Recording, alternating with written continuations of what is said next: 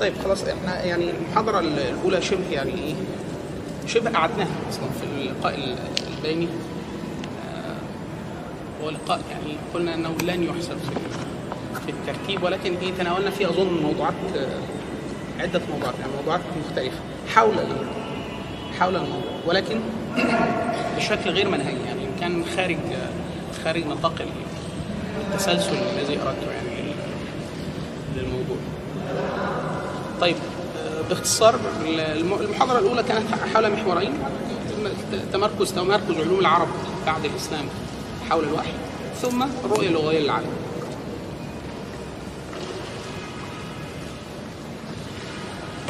ثم الر- الرؤية اللغوية للعالم. المف- المفترض أن ننتقل إلى التعريف بعلوم العربية. التعريف بعلوم العربية. وهي يعني حدود 12 علم. قلنا أن العلوم العربية 12 علم. يمكن أن تزيد عن ذلك؟ نعم. يمكن أن تقل عن ذلك؟ نعم. لأسباب سوف نعلمها الآن في كيفية كيفية عد العلوم. يعني كيف يصير العلم علم أصلا؟ قلنا أن علوم العربية يجمعها البي- بيت الأديب أحمد الهاشمي. نحو وصرف عروض ثم قافية وبعدها لغة قرض وإنشاء خط بيان معان مع محاضرة والاشتقاق لها الآداب أسماء. آه، هذه الاثنى عشر علما سوف تكون موضوع أصلا المحاضر- المحاضرات هذه المحاضرة والمحاضرات القادمة. ولكن قبل الدخول أصلا لل- للعلوم العربية من منهجيات المنهجيات التي ابتكرها أو اخترقها علماء الإسلام؟ أن قدموا بقواعد منهجية أو مبادئ عامة لكل العلوم لكل العلوم. يقولون من رام علما فليقدم اولا. يعني من من رام أو يعني من طلب من أراد أن يطلب علما من رام علما فليقدم اولا.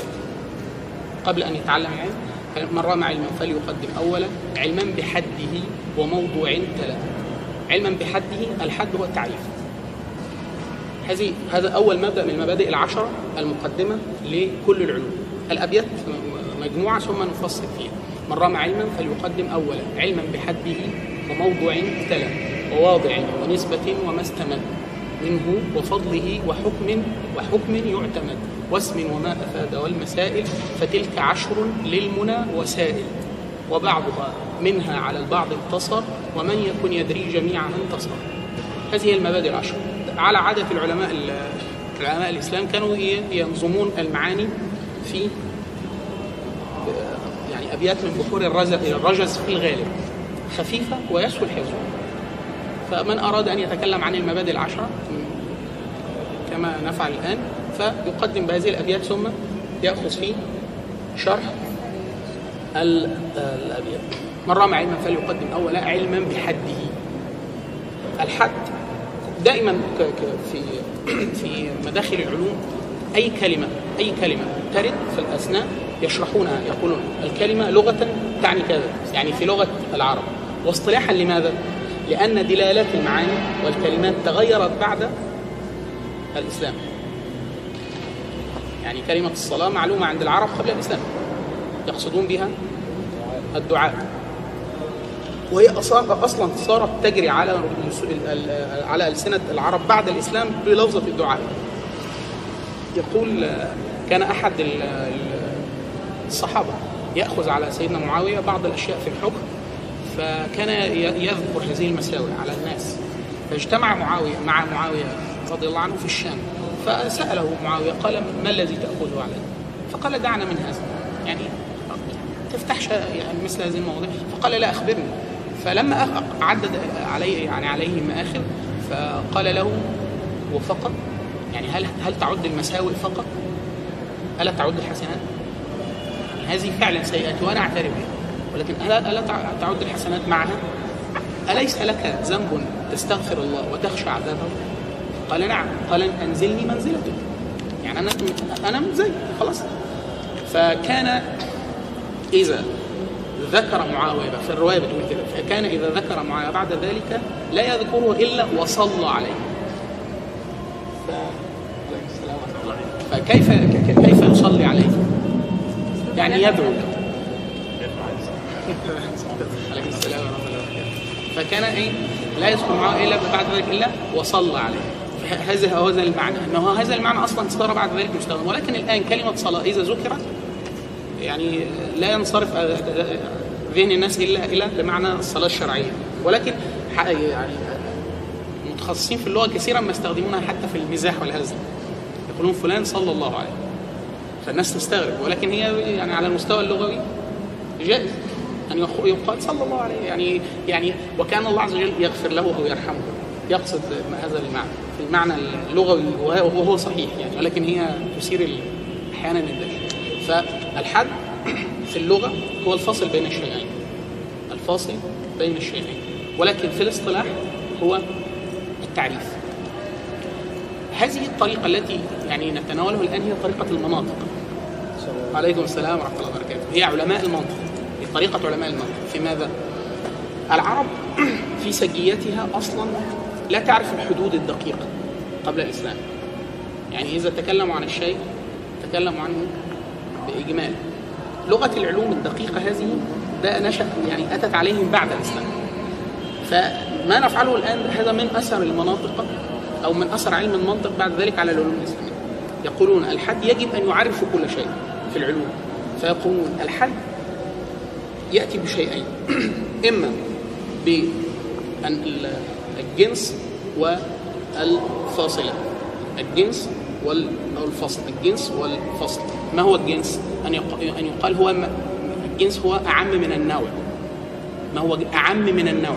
بمعنى أنا أقول انسان آه، كلب أعزكم الله حمار أعزكم الله كل هذه أحياء. بس هذه أنواع أنواع كل منهم نوع. جنس الحي كل حي ده جنس فهذا أعم. فعندما أريد أن أعرف الإنسان هو تعريف المناطق للإنسان. يأتون بالجنس. ما جنس الإنسان؟ حي. فيقولون هو حيوان. كلمة حيوان في دارج في, دارج في لسان الناس حيوان يعني حيوان وهو البهيمة. ولكن لا هو في مصطلح الناس في في اللغة العربية الصحيحة إما يحتمل معنيين، المعنى الأول هو الحياة الحقيقية اللي هي الحيوان. في القرآن الكريم يقصد الجنة. اللي هي الحيوان أي الحياة الدائمة الأبدية التي لا تنقطع. أو الحيوان هو الحي. الحي فقط كل شيء يعني ليس جمادا فهو حي أو حيوان. فيقال في تعريف المناطق للإنسان هو حيوان ناطق. ناطق هذه هو, هو, هو الفصل. يعني بعد أن في التعريفات بعد ما يذكرون الحد الجنس يذكرون ماذا؟ الفصل. حتى ما الذي يتميز به الإنسان عن كل حي؟ وهو النطق. فهذا الطريقة في التعريف. أما في تعريف العلوم فلا يصدق عليها مثل هذا الأمر. هناك تعريف طريقة أخرى للتعريف عند المناطق يسمونها الرسم. يذكرون الجنس الرسم جنس ثم الخصم جنس ما هو جنس كما عرفنا الخصم هي خصائصه يعني تقول مثلا في تعريف الإنسان بالرسم تقول الإنسان حيوان. ثم تذكر له عدة خصائص كثيرة جدا حتى يتميز عن غيره ولكن ليس بالفاصل. فطريقة تعريف العلوم لا لا يوجد تعريفات بالمعنى الجنس والفصل للعلوم. لأن هذا أمر اصطناعي يعني كثير جدا من العلوم أحيانا تختلط فلا يصعب فصله فدائما يعرفون المناطق العلوم يعرفونها بالجنس يعني يقول هو علم علم بكذا كذا كذا كذا. يعني النحو علم بمثلا حركات أواخر الكلام. فهو هو علم. بماذا؟ هذا هو تعريف الجنس. كعلم من العلوم جنس من أجناس العلوم. ثم يذكرون بعد ذلك ماذا؟ الخاصة اللي هي الخصائص. يعني هو علم يدرس مثلا الكلمات النحو يدرس الكلمات والصرف يدرس الكلمات. ما الفارق؟ النحو يدرس الكلمات بس العلامة الأخيرة فقط. الصرف يذكر يدرس الحركات كل الحركات دون حركة الإعراب. يعني يذكر كل يدرس كل حركات الكلمة إلا آخر حرف لأنه لا يدخل في علم الصرف شيء ويدرس في علم النحو. فهو هذه هذه الطريقة للتعريفات عموما عند المناطق إما التعريف التعريف بالحد أو بالرسم. والمتعارف عليه في العلوم دائما التعريف بماذا؟ بالرسوم. يعني يقولون جنس العلم ثم يذكرون ماذا؟ الخاصة. فمن رام علما فليقدم أولا علما بحده. هذا هو الحد. فيجب حتى تتعلم علما ما. ماذا يجب أن تعرف اولا؟ ما هو تعريف هذا العلم؟ أي شيء يدرس؟ ف ما الغاية من تعريف من من معرفة تعريف العلم؟ أحيانا في أحيان كثيرة جدا في المناقشات العامة خاصة بعد الثورة يكثر الجدل في أمور كثيرة جدا. الز- المجال الم- المناخ العام قبل الثورة كان مناخ جهل بامتياز. فالغالب على الناس لا يستطيعون تسكين القضايا التي يتحدثون فيها في أي علم هي. يعني إيه هو نحن مثلا نتكلم يعني أي حد مصلح أو داعي أو مربي أو آه، يتكلم بلغة علم إما علم الاجتماع أو علم التربية أو علم الشريعة. يعني يتكلم عن المسائل في ماذا؟ في نطاق علم ما. يعني أنا أقول مثلا عندما يسألني أحد عن أي قرار القرارات السياسية. فأنا دايما يغلب علي الكلام باللغة الاجتماعية. يعني أقول إيه؟ آه نعم آه يجب تغيير كذا لأجل كذا. أنا دايما أفكر بطريقة آه، ما الذي يصلح الناس؟ هو يتكلم بماذا؟ عن القرار من ناحية القرار السياسي. فعند دراسته تحديد أصلا مناطق العلوم تتضح طريقة التناول. فلو درسناه داخل علم السياسة سوف يكون له أدوات ومناهج. وإذا دخل درسناه داخل علم الاجتماع يكون له أدوات ومناهج بمعنى معظم تناول الناس عندما يتكلمون حتى العوام من تطاول ازمنه الاستبداد في مصر يتكلمون بلغة السياسة. يعني يقولون دائما إيه؟ هو لو مسك له اعدم له 5000 6000 واحد الدنيا تتظبط ولكن الكلام باللغة الشرعية لا يحتمل هذا المعنى. في في المعنى السياسي يحتمل. لماذا؟ لأن السياسة هي ما يصلح. ما يصلح الأمر. السياسة الشرعية القيام على الأمر بما يصلحه بما يوافق. مراد الشارع. لكن ال- العوام هم يتكلمون باللغة السياسية ال... ال... التي كانت تمارس في السياسة الغربية. ما يعني يؤدي لك آه، الغرض أو الهدف. فقط فقط. بدون معايير وبدون معايير. فهو يتكلم بأنهي طريقة؟ ب- فتحديد تحديد العلوم. له ميزة أو ه- هدف اولا عند- الدخول في مناقشات أو حتى طريقة التفكير. في هذا العلم ما هي المسائل ال- ال- ال- يعني ماذا يغطي؟ هذه مهمة جدا تخيل هذا العلم. فالتعريف يساعد في هذا تعريف العلوم يساعد في هذا. الأمر الثاني وده عند المناطق. يقولون إيه؟ لا يمكن أن يتصور الإنسان أو يحكم على شيء أو يتخيله وهو يجهله يعني كيف يمكن أن يحكم على شيء وأنت تجهله أصلا؟ فعندما مثلا تكلمنا في الأول عن العربية عن علم العربية وتعرفنا بعلوم العربية أصلا أصبحت الخريطة الذهنية لدى المستمع مختلفة. أصبح يتكلم إذا تخ... يعني تخيل اللغة العربية تخيل أن هناك اصوات هناك نحو هناك صرف هناك معجم هناك دلالة هناك أمر يسمى الاشتقاق. يعني الخريطة الذهنية تختلف وهكذا التعريف يدخل أصلا داخل الخريطة الذهنية تصور ما عن مساحة العلم. علما بحده وموضوع تلو الموضوع. موضوع العلم. الموضوع. عند ذكر مثلا علم النحو يذكر تحت علم النحو موضوع. ما هي الموضوعات التي يدرسونها فيذكرون موضوعات ال- ال- العلم. ما فائدة الموضوع؟ يعطي لل- للمستمع تخيل إجمالي عن المسائل. تخيل إجمالي عن المسائل. فهذا أصلا يبدأ في تغيير الخريطة الذهنية للمستمع حتى يتصور أصلا؟ يعني بدأ بدل ما هي كانت رسمت مساحة كبيرة كده هذا هو العلم. عند تقسيم هذه الدائرة تبدأ تتميز موضوعات العلم. فيقولون علما بحده وموضوع وواضع. الواضع هو واضع العلم. هناك علوم لا يعلم من وضعها أصلا.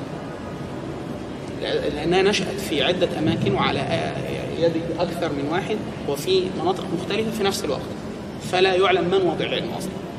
وهناك علوم يعين أو ي- يعني هناك شبه ظن كبير أن أول من تكلم في العلم فلان. أهمية الواضع حتى أحيانا هناك يعني مسائل أو شيء في بنية العلم يصبح مضطرد داخل ال- ال- العلم بشكل مستمر. فمعرفة الواضع ممكن أصلا دراسة ما هي المؤثرات الفكرية والعلمية التي أثرت في عقلية الواضع فنعلم لماذا قال هذا. يعني مثلا سيبويه هو أول كتاب نحو يعتبر كتاب أول كتاب نحو وصرف. وصل لنا وهناك كتب قبل كتاب سيبويه نعم لكن لم تصل إليه. يعني في حكم المفقود فمن أراد أن يدرس كيف تشكل هذا الدرس النحوي؟ ماذا يصنع؟ يدرس سيرة حياة سيبويه فيعلم عمن أخذ سيبويه القرآن. عمن تعب عمن اخذوا فقه. أي مذهب؟ كان على أي مذهب؟ كان قبل المذاهب ام بعد المذاهب. آه، مذهبه العقدي. هل أثر؟ لأنه دائما الإنسان الإنسان ابن يعني ذهنه وبيئته. فعندما ينشئ علم يعتبر سوف يتاثر بالعلوم التي تعلمها فهذه الم- المعرفة تفيد جدا معرفة الواضع. واحيانا تعطي تعطينا تصور عن سبب نشأة العلم. يعني لماذا وضعه؟ أحيانا في كثير من الأحيان آه، علماء لسبب ما مشكلة تقابلهم فيقول فلما حدث كذا كذا كذا بدأ إيه؟ يفكر. فيقال مثلا في النحو أن أول من نوه إلى قواعد النحو هو أبو الأسود الدؤلي ذكرناه في نقط نقط الإعراب. أبو الأسود الدؤلي كانت ابنته تقول قالت له يعني ما أشد الحرب. ما أشد الحرب. فقال الرمضاء. سؤال يعني. آه فهو هو ظن أنها تسأله عن ما ما هو أشد شيء في الحرب.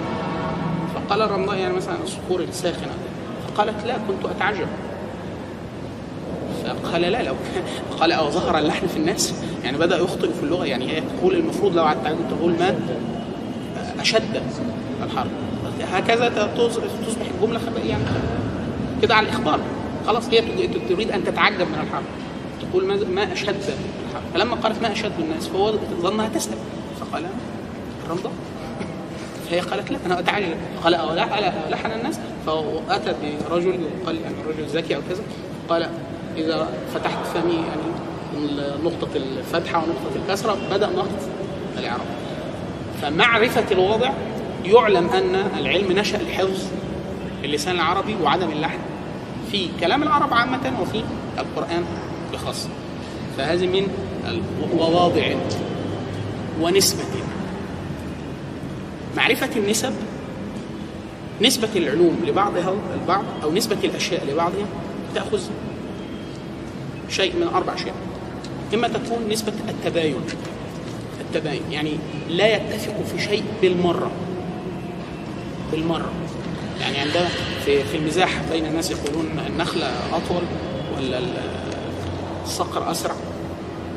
السؤال طبعا الأسئلة هي تقال على سبيل السخف لكن هو على على على المستوى المنطقي يعني ال- التناقض هنا أنها هي علاقة تباين يعني ما علاقة السرعة بال- بالطول. فعلاقة العلوم أحيانا علم متباين لا لا يتقاطع مع هذا العلم أبدا في شيء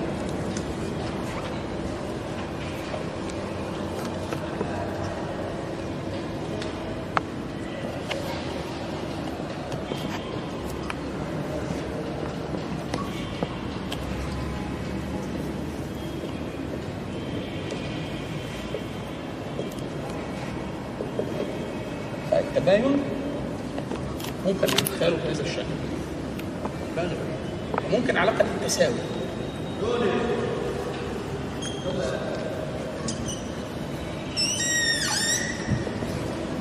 ممكن هاتان دائرتان فهما منطبقتان فهذه نسبة إيه؟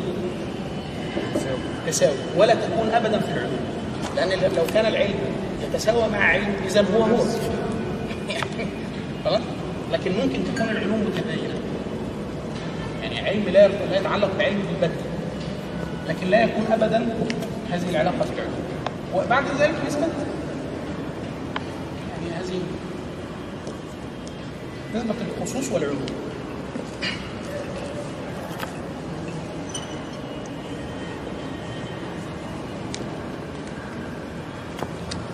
رقم ثلاثة هذه هي نسبة الخصوص والعموم المطلق. يعني دائما علم من العلوم كله بكل مسائله داخل علم من العلوم. مثل علم القضاء والفقه. كما تتذكرون الخريطة؟ الخريطه قلنا علوم الفقهية ثم قلنا القضاء. طب سبحان الله العظيم القضاء سواء. بماذا يحكم القاضي؟ القضاء القضاء الشرعي. هل سوف تكون هناك أي مسألة خارج نطاق الفقه؟ في الأصل لا يتخيل ذلك. فالقضاء دائما كله خاص. دائما كل مسائله دائما داخل الفقه. هذه العلاقة علاقة خصوص وعموم مطلق العلاقة الرابعة هذه علاقة عموم وخصوص نسبي. يعني من وجه ومن وجه. زي مثل مثلا الصرف والاشتقاق الصرف والاشتقاق. النحو والصرف. أحيانا تجد مسائل الحديث والتفسير. النحو وعلوم القرآن تتقاطع دائما. فهذه هي العلاقة. فدائما نسبة العلوم لبعضها البعض يعني أقول ما نسبة هذا العلم لغيره؟ حتى يتخيل ما هي المسائل المشتركة. لأن أحيانا المسألة الواحدة يتم تناولها في عدة علوم. في عدة علوم. فأحيانا الظاهرة لو الدارس يدرس علم واحد فقط أحيانا إما يؤتي يعني يطلق حكم خاطئ بسبب إنه لا يدرك من الظاهرة إلا جانب جانب جانب واحد من العلوم. ولكن إذا علم أن الظاهرة موجودة يعني مثلا علم الأصوات أو التجويد يدرس في التجويد. وأحيانا يدرس يدرس أحيانا أثره في البلاغة ويدرس في الموسيقى ويدرس في النحو والصرف. وأحيانا يدرس في علوم القرآن. أثره على المعنى. يعني لماذا القرآن اختار كلمة كذا؟ يقولون هذا الأصل في العلة بس صوتية فتجد أن المسألة أصلا بسبب هذه المسألة يعني مساحة التقاطع بين العلوم هذه من المفيد جدا مع معرفة نسبة نسبة العلوم لبعضها البعض. حتى حتى إذا اكتملت الخريطة هناك تجد مسألة يعني مسألة مشتركة بين عشر علوم بين عشرة علوم ف تستطيع إدراك المسألة بشكل جيد. مثل هذا ما يخوض فيه الناس في المسائل التي تطرأ للناس. المسألة بتكون مسألة سياسية وتربوية واجتماعية ونفسية. فهو يريد أن يحكم في المساحة. هي هي مسألة مشتركة فعلا. يعني مثلا هي مسألة تدخل في النطاق السياسي. وأيضا يحكم عليها لها أثر اجتماعي وأثر تربوي وأثر يتعلق بعلم النفس وأثر يتعلق بالجغرافيا السياسية. فالمسألة إن لم يتم تخيلها تماما في المساحة التي بين العلوم دايما ينشأ تصور خاطئ أو عدم فهم بالكلية. يعني تظل المسألة منغيرة يعني أحيانا في مسائل ظلت في علوم كثيرة ظلت مقفلة حتى ظهر من يتفنن في عدة علوم فتناولها من عدة زوايا فأصبحت المسألة محلولة يعني على في علم الرياضيات مثلا هناك 32 أظن 32 متناقضة مشهورة جدا. متناقضات هذه البنية العلمية للرياضيات المبنية على المنطق والفلسفة التي رمزت بعد ذلك متناقضة. يعني هي أصلا قواعد العلم الموجودة حاليا لا تستطيع فك هذا التناقض الظاهر في العبارة في العبارات الرياضية. ويرصد لكل متناقضة هذا يسمونها بارادوكس أظن. في مليون دولار 2 مليون دولار. لمن يحل متناقض واحد. لأن المسألة بتكون إيه؟ تغيير أصلا لوجهة العلم أحيانا. كثير جدا عندما تحل مثل هذه الأمور من يقوم بهذه بحل هذه مثل هذه المشاكل؟ أصلا يكون ماذا؟ متفنن. يعني هو درس رياضيات ودرس فلسفة ودرس منطق درس بيولوجي درس حاجات كثيرة جدا فهو لديه عدة وجهات نظر فتكون أصلا المسألة هي في المساحه المساحة المشتركة. لهذا السبب من أشهر من تكلم في الرياضيات في التاريخ المعاصر برتراند راسل برتراند راسل أصلا فيلسوف. ومشهوره راسل paradox متناقض هو حل هناك في متناقضه وحلت بعد ذلك وغيرت أصلا في فلسفة رياضيات المجموعات اللي هي ال sets. ما أعرفش حد درس sets ولا لكن تم تغيير مسار النظر لهذه المسألة في الرياضيات بعد متناقضة برتراند حلها المتناقضة نشأت من من أين؟ برتراند راسل فيلسوف مشغول بفلسفة اللغة. فصاغ المسألة بشكل لغوي. فقال هذا الأمر لغويا متناقض. فيجب أن يحل بشكل مختلف على مستوى فلسفة الرياضيات. فعاد من الأول إلى فلسفة الرياضيات مستخدما هذا الأصل اللغوي حتى عاد فحل المشكلة ووضع لها شروط حتى لا يحدث تناقض مرة أخرى في بنية في بنية الدرس الرياضي أو الرياضيات. فهذه ميزة ماذا؟ التصورات السابقة عن العلم. المبادئ العشر. كل من رمى علما فليقدم أولا علما بحده وموضوع تلا وواضع ونسبة وما استمد منه. بقية الكلمة في البيت الثاني. وما استمد منه. من أين يستمد هذا العلم؟ مادته. يعني نقول آه، اللغة علم اللغة. يعني علوم اللغة 12 علما علوم اللغة العربية. منهم علم اللغة. علم اللغة اللي هو يعني يشبه المعجم. لأن تقسيمة المعجم ليست تقسيمة حديثة لكن هو يشبه المعجم. حتى تتخيلون بشكل عام كده علم اللغة. عند عند السؤال من أين يستمد علم اللغة مادته؟ فنقول من كتاب الله بقراءته ومن السنة على اختلاف يعني آه، الأصل أن أكثر علماء اللغة على عدم الاحتجاج بالحديث. أن لا يحتج بحديث النبي صلى الله عليه وسلم في اللغة. لأسباب تتعلق بأنهم في في علم الحديث يقال أن هذه من المسائل المشتركة. يعني الحديث نص النبي صلى الله عليه وسلم أفصح الناس. أفصح الناس. فكيف لا يستفى وهذه المسألة يعني المفروض يتم تناولها في ماذا؟ في علم الحديث. ولكن هي مسألة مشتركة بين علم الحديث وماذا؟ وعلم اللغة. النحويون والصرفيون واللغويون في الغالب لا يحتجون بحديث النبي صلى الله عليه وسلم. في لماذا؟ هذه مسألة مشتركة. يقولون أن الرواية في الحديث منها ما هو مروي بالمعنى. فنحن لا نقطع بأن هذا هو نص النبي صلى الله عليه وسلم. هذا أولا. والثاني أن الرواة كثر فيهم العجب فقد يكون يعني قد يكون هناك لحن. فلا لا يوثق بعربيته بلغة الرواة. هذا للرافضين. هناك خلاف. طبعا هناك تفصيل يعني التفصيل حتى الذي أقره مجمع اللغة العربية في القاهرة الإجماع المعاصر يعني أن حديث النبي صلى الله عليه وسلم يحتج منه بشروط يحتج فيه به بشروط في اللغة. أن يكون الحديث من من الأحاديث التي رويت للتدليل على فصاحة النبي صلى الله عليه وسلم. فأكيد أن الرواة تحروا الدقة في نقل الحديث. فهذا الحديث يبدو أنه بنسبة كبيرة جدا نقل بلفظ. وشرط آخر أن يكون الحديث مروي في الأذكار التي يتعبد بها. فأكيد الرواة علموا أن هذا من الأذكار. والتشهد آه، اذكار الصباح والمساء مثل هذا. فأكيد تحروا الدقة بشكل كبير جدا في إثبات ما قاله النبي صلى الله عليه وسلم بحرف. حتى مثل حديث البخاري حديث عبد الله بن عباس وهو صبي قال له النبي صلى الله عليه وسلم إذا آه، ذهبت إلى النوم فقل آه، آمنت. في آخر الحديث وآمنت بنبيك الذي أرسلت. فعبد الله بن عباس في الرواية قال آمنت برسولك الذي أرسلت. فالنبي صلى الله عليه وسلم قال لا بنبيك الذي أرسلت. حتى يستدل به أن هناك أحاديث رويت قطعا باللفظ مثل هذا الحديث احاديث الأذكار. فالشرط الثاني أن يكون مما يتعبد به. الثالث أن يكون صاحب الكتاب كتب الحديث مؤلفين مختلفين. أن يكون مؤلف الحديث مما ممن نشأ في أرض العرب ولم يعني يخرج منها وأخذ عن رواه عرب فقط. زي مثلا الإمام مالك موطأ مالك.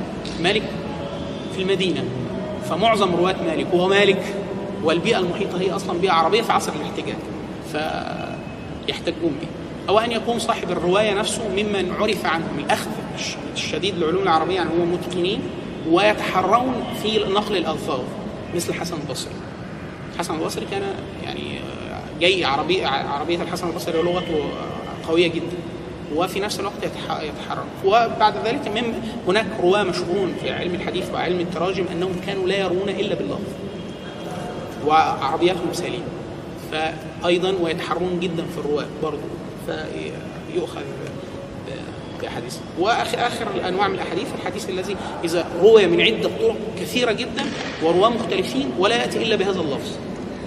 فعلم أن يعني هذا التواتر الشديد جدا مع اختلاف طرق مجيء الحديث عن النبي صلى الله عليه وسلم أن النص يمكن أن يستدل أن هذا النص هو الذي نطق به النبي صلى الله عليه وسلم بلفظه.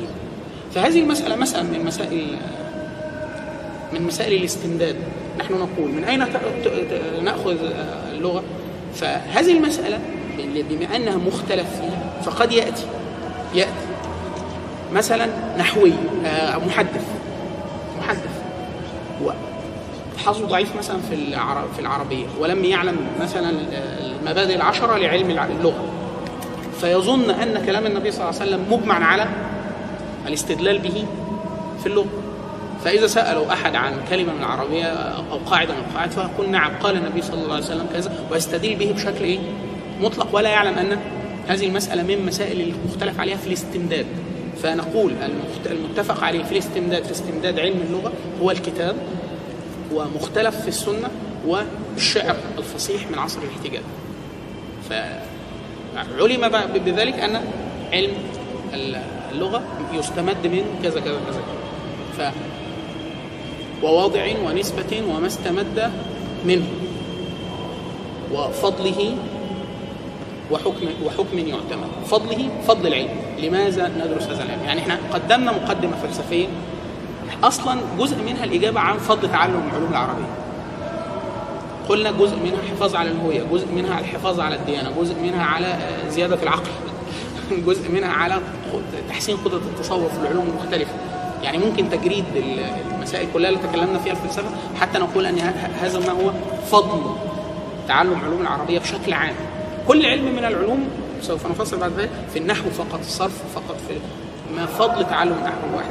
إقامة اللسان في القرآن الكريم فهم كلام كلام الله ورسوله على آه، يعني مراد الله ورسوله وهكذا.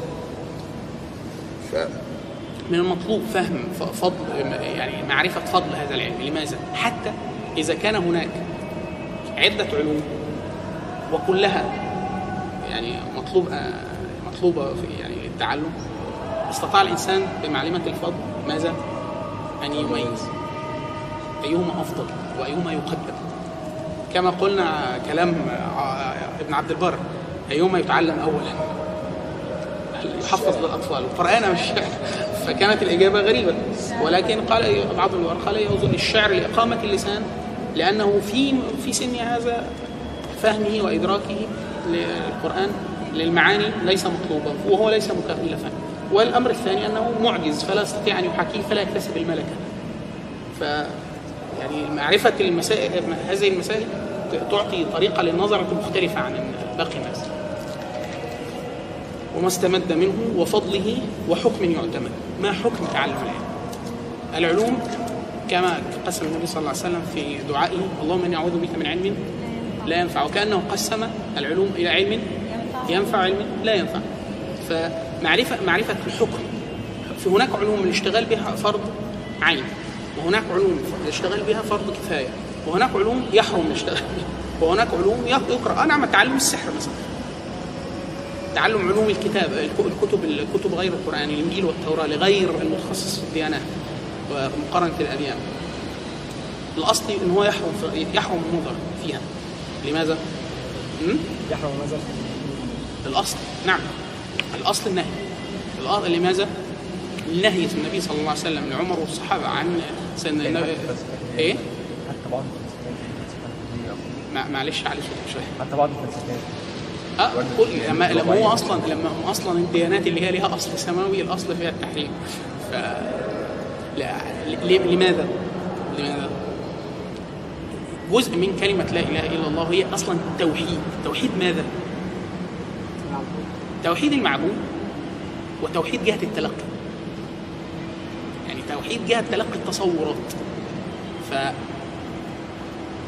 النبي صلى الله عليه وسلم لما ذكر بني إسرائيل بني إسرائيل قال حدثوا عن بني إسرائيل ولا حرج. وفي في في أحاديث النبي صلى الله عليه وسلم الأخرى قال لا تصدقوهم ولا تكذبون فموقف المسلم أصلا من التوراة والإنجيل وكل باقي الديانات. ولكن التوراة والإنجيل لأنه يعني نحن نعلم على الأقل أنهم بهم به يعني بهما بقية من كلام الله عز وجل. ولكن لا نستطيع أن نميزها إلا إحنا إحنا نستطيع أن نقطع بأنه بأن كلام من كلام الإنجيل والتوراة أنه قطع من كلام الله. وليس بلفظه ولكن هو يعني هذا المعنى لأنه لماذا نستطيع أن نقطع؟ لأنه موجود في القرآن بنصه أو في الحديث بنصه. فنحن نعلم أن هذا من كلام الله وأحيانا هناك لا أشياء لم ترد لنا فيها علم من مبهمات القرآن. مثلا يأتي في التوراة أو في الإنجيل قصة مثلا آه، آه، فتية الكهف. ويذكر اسماءهم واسم واسم الكلب هذا علم من علوم القرآن اسمه المبهمات ومؤلف فيه كثير. السيوطي له كتاب في المبهمات. يقول مثلا صاحب صاحب الجنة قصة في في الكهف. يقول اسمه الأول كذا واسم الثاني كذا. أصحاب فكة الكهف عددهم كذا قطعا وأسمائهم كذا واسم الكلب كذا. آه، فرعون اسمه كذا. آه، امرأة فرعون. نحن ذكرت لنا امرأة فرعون. لولا أن النبي صلى الله عليه وسلم قال آه، يعني لا أعلم النبي صلى الله عليه وسلم صرح بها ولا لا. ولكن لو لم يصرح النبي صلى الله عليه وسلم تصبح من الاسرائيليات م. سمعت النملة اللي سيدنا سليمان ليها آه يعني ده أصلا شوف ده أصلا ليه دخل بلسان العرب بطريقة العرب في الكلام أن العرب أصلا أصلا. فاكرين كلامنا عن العدد؟ أن العرب لا تتكلم عن الأعداد مثل باقي الناس بشكل قطعي. وكذا ال- العرب من من البلاغه أنها لا تذكر التفاصيل. يعني إيه؟ لا تذكر التفاصيل. كلامها أصلا مبني على الاختصار الشديد. بس الاختصار بس إيه؟ آه من. من البلاغ.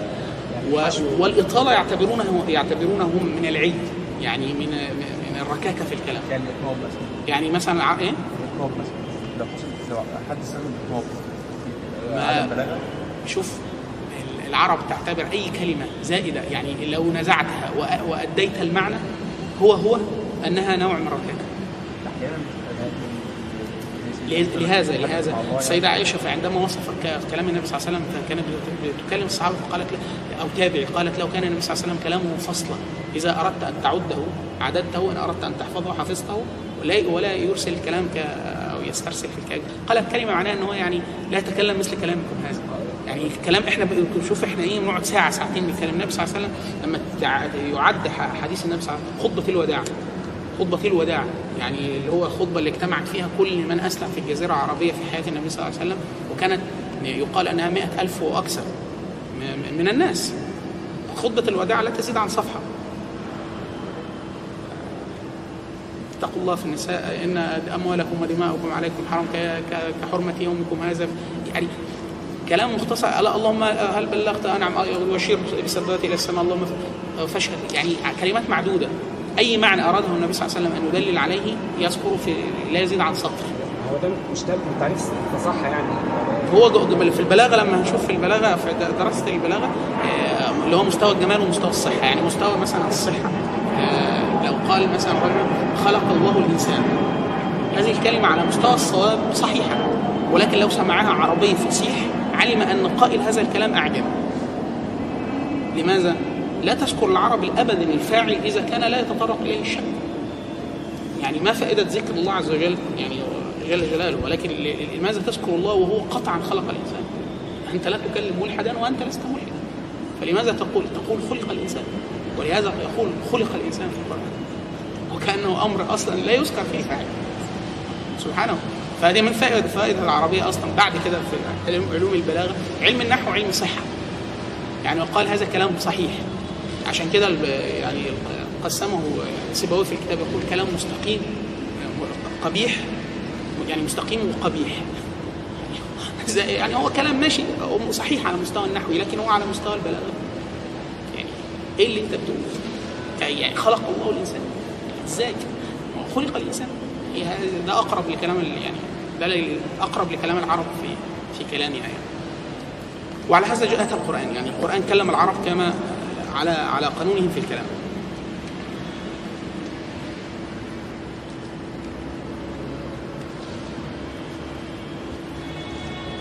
طيب آه، وما استمد منه وفضله وح- وحكم يعتمد. الحكم واسم. ما اسمه؟ ما اسم العلم؟ يعني هذا العلم. أحيانا في علوم يختلف جدا في التسميه وخاصة كل العلوم المع- المعاصرة في التشقيقات المعاصرة. يعني كثير جدا في العلوم القانونية العلوم التجارية. يقال آه، إن مثلا هناك 10 تسميات للعلم 20 تسميه للعلم. يختلف أصلا في تسمية العلم نفسه. يعني معظم العلوم الشرعية في الغالب تجد هناك تسمية شائعة جدا أو مشهورة واسم أو اسمين يعني لا يزيد عن ذلك. مثلا علم الصرف والتصريف مثلا النحو وعلم الإعراب كده. لا يزيد عن عن هذا علم المعاني أو علم معاني النحو. هو أصلا علم المعاني آه، يعني أخذ من كلام عبد القاهر الجرجاني. الإمام عبد القاهر الجرجاني في كتابه دلائل الإعجاز. ولكن كان هو لا يذكر كلمة المعاني على أساس إن هو عبد القاهر الجرجاني نحوي من علماء النحو. وكان يتكلم في إعادة نظر في الدرس النحوي وكذا. فأتى على لساني كثيرا في الكتاب آه، لا تجد في النظم إلا معاني النحو. معاني النحو. هو كان يتكلم عن الم- المعنى النحوي. فلما صار علما بعد ذلك وكتبت فيه كتب وكذا صار الاسم العلم على هذا الاسم ماذا؟ علم المعاني. فإذا قيل علم المعاني ذهب ذهن الناس إلى علم من علوم البلاغه ولكن هو في النشأة كان محاورة في علم من علوم النحو. يعني عبد القاهر الجرجاني مؤسس علم البلاغه يعتبر آه، نحوي. هو عايز أصلا علم البلاغه يعتبر نحو عالي. يعني من تسميات الأحيان التسميات الطريفة يعني يسمى النحو العالي. يعني هو يتجاوز مستوى الصحة وبعد ذلك ينظر في في يعني يعني حاجة على الهامش كده. اللغة العربيه عبد القادر الجبراني في كتابه بلاء الاعجاز هناك بشار بشار آه، يعني من الشعراء الفصحاء جدا وال يعني صليت اللسان كان ويهجو وكانت الناس تخافه حتى سيبويه يعني أدرج وكان لا يستدل يعني علماء النحو كان لا يستدل كانوا لا يستدلون بشعر أمثال بشار كانوا يعتبرونه متاخر يعني هم يست- يستدلون بالطبقة العليا من الشعراء القدامى. فلما بشار عرف علم أن سيبويه لا يريد أن يستدل فهدده ان يهجوه فسيبويه أدخل شاهد من كلام بشار على سبيل الاستئناس. يعني إيه حتى يأمن لسانه كان سليطا يعني رحمه الله. فبشار برد كان من العلماء من الشعراء العلماء. العربية. فكان يجتمع إليه خلف الأحمر وهو من أشهر رواة ال- ال- الشعر على الإطلاق خلف الأحمر وال- والأصمعي فيروى أنه دخل كان هناك رجل يعني يتباصر بالغريب. الغريب اللي هو إيه؟ الكلمات. التي لا يعلمها كثير من الناس. وهذه في علم فقه اللغة وفي علم علم اللغة ومتن اللغة وفي المعجم يعني. فبشار سمع بهذا الرجل فأراد أن يعني إيه؟ يدخل عليه من بلفظ بشار يعني يدخل عليه من الغريب ما لا يعلم. يعني بيقول له انت فصيح قوي يعني متقن قوي للغريب طب راح ف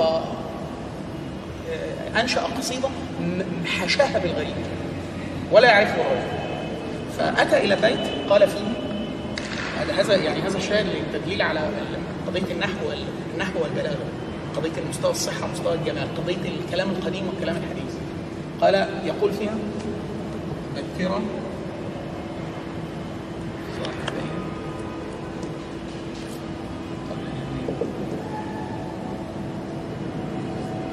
هذا الشطر الأول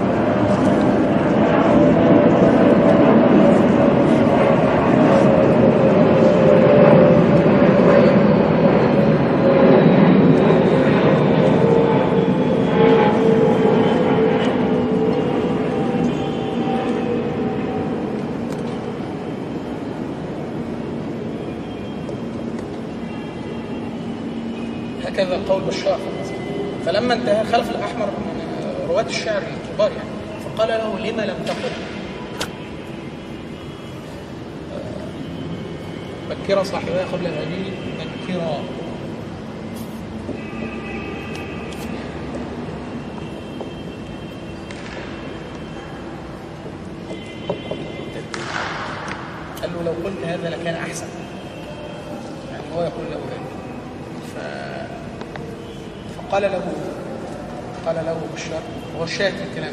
قال لا قال له لا بل بنيتها يعني بنت قصيدة أعرابية وحشية يعني على كلام العرب الأوائل الأعراب يعني.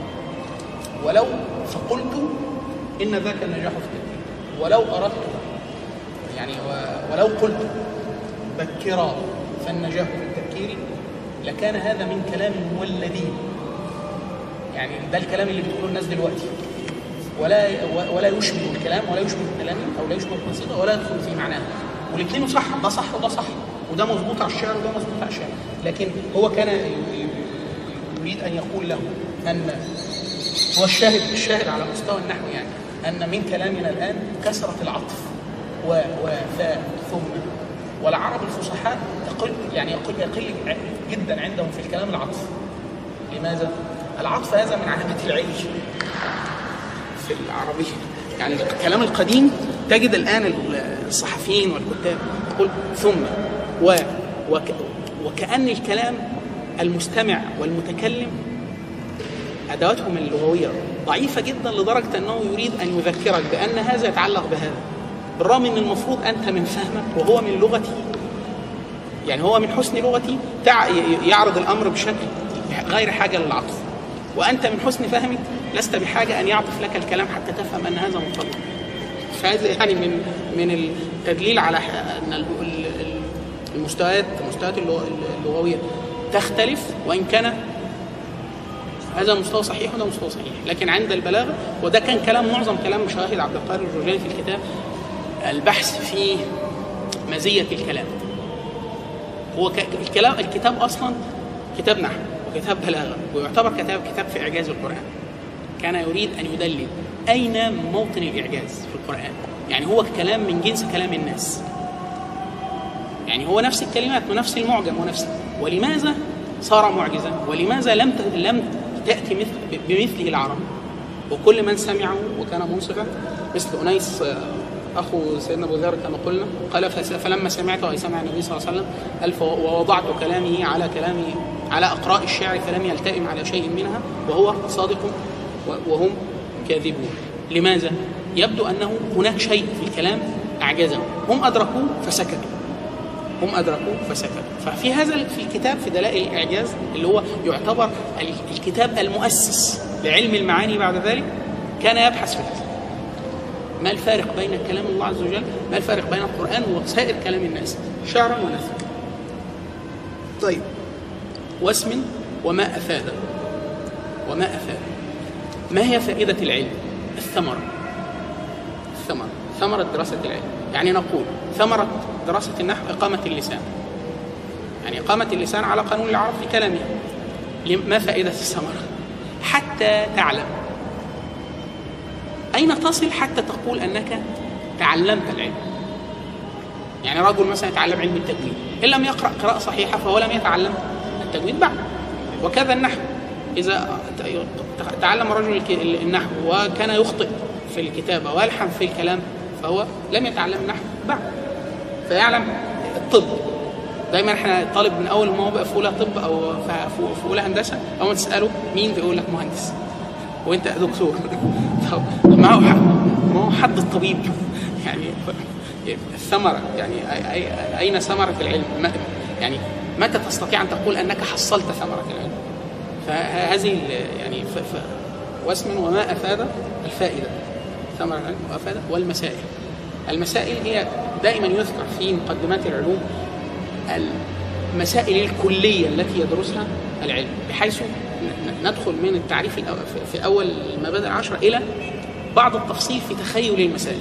يعني عندما نقول مثلا الصرف هو دراسة حركات بنية الكلمة.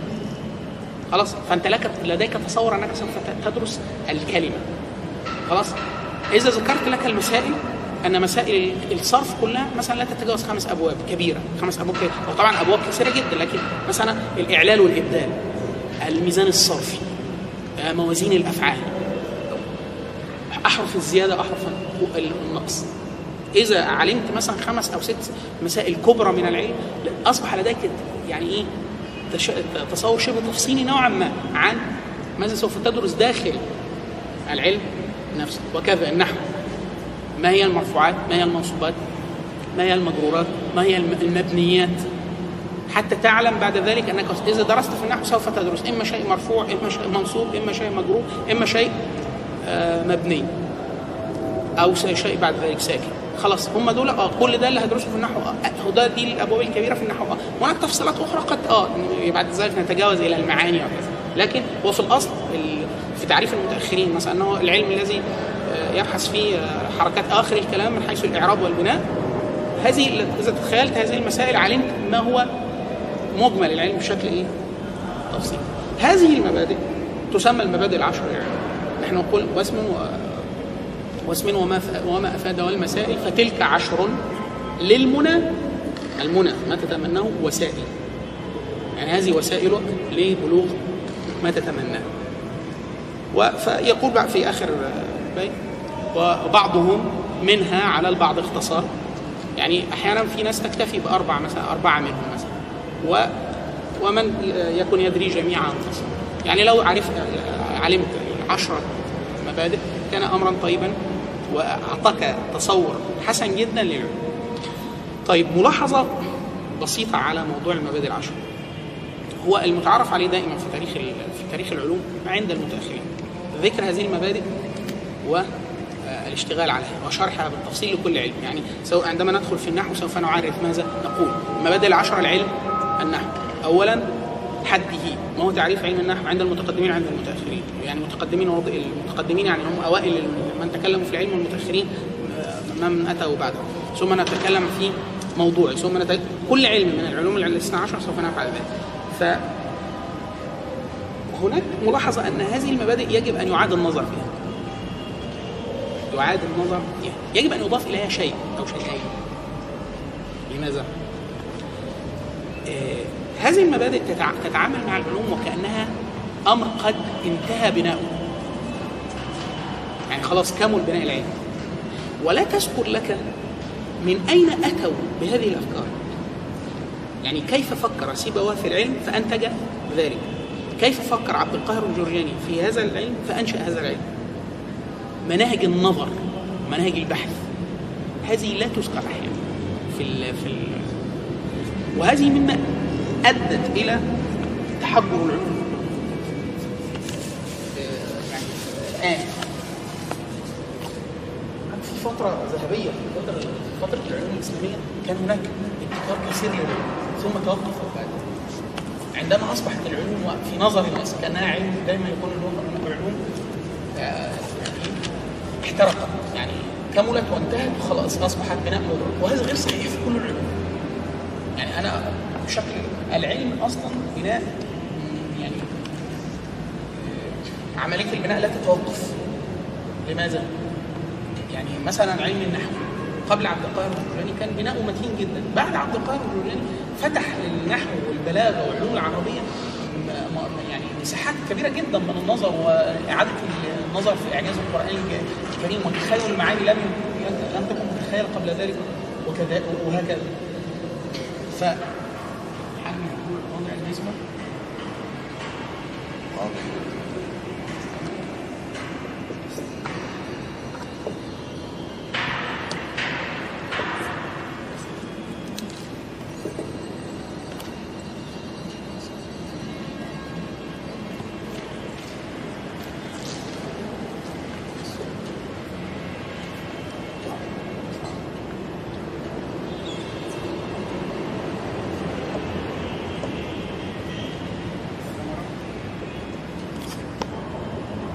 تمام كده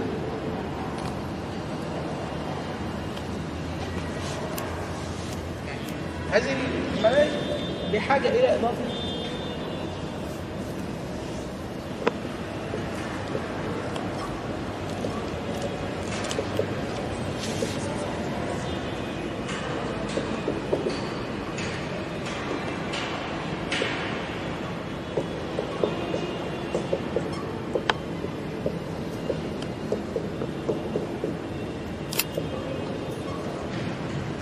حتى لا العلمي يعني الآن الآن.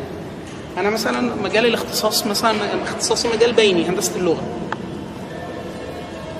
وهناك تخصص اسمه هندسه language engineer مهندس لغة هكذا. أو لغوي حاسوبي computation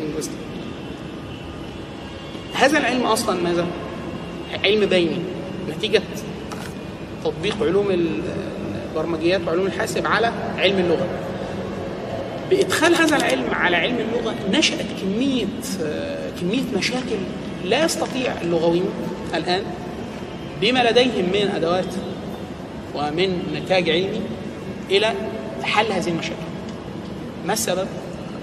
أنهم يتعاملون مع الصرف مثلا أنه يعني كثير كثير جدا لدينا في كلية العلوم وكثير جدا في الأزهر والتربية والآداب يعني يقول التأليف في الصرف صعب جدا. ليه؟ لأن أنت بت- بتصف ما هو موجود. يعني أنت هتجيب كلام من عندك خلاص.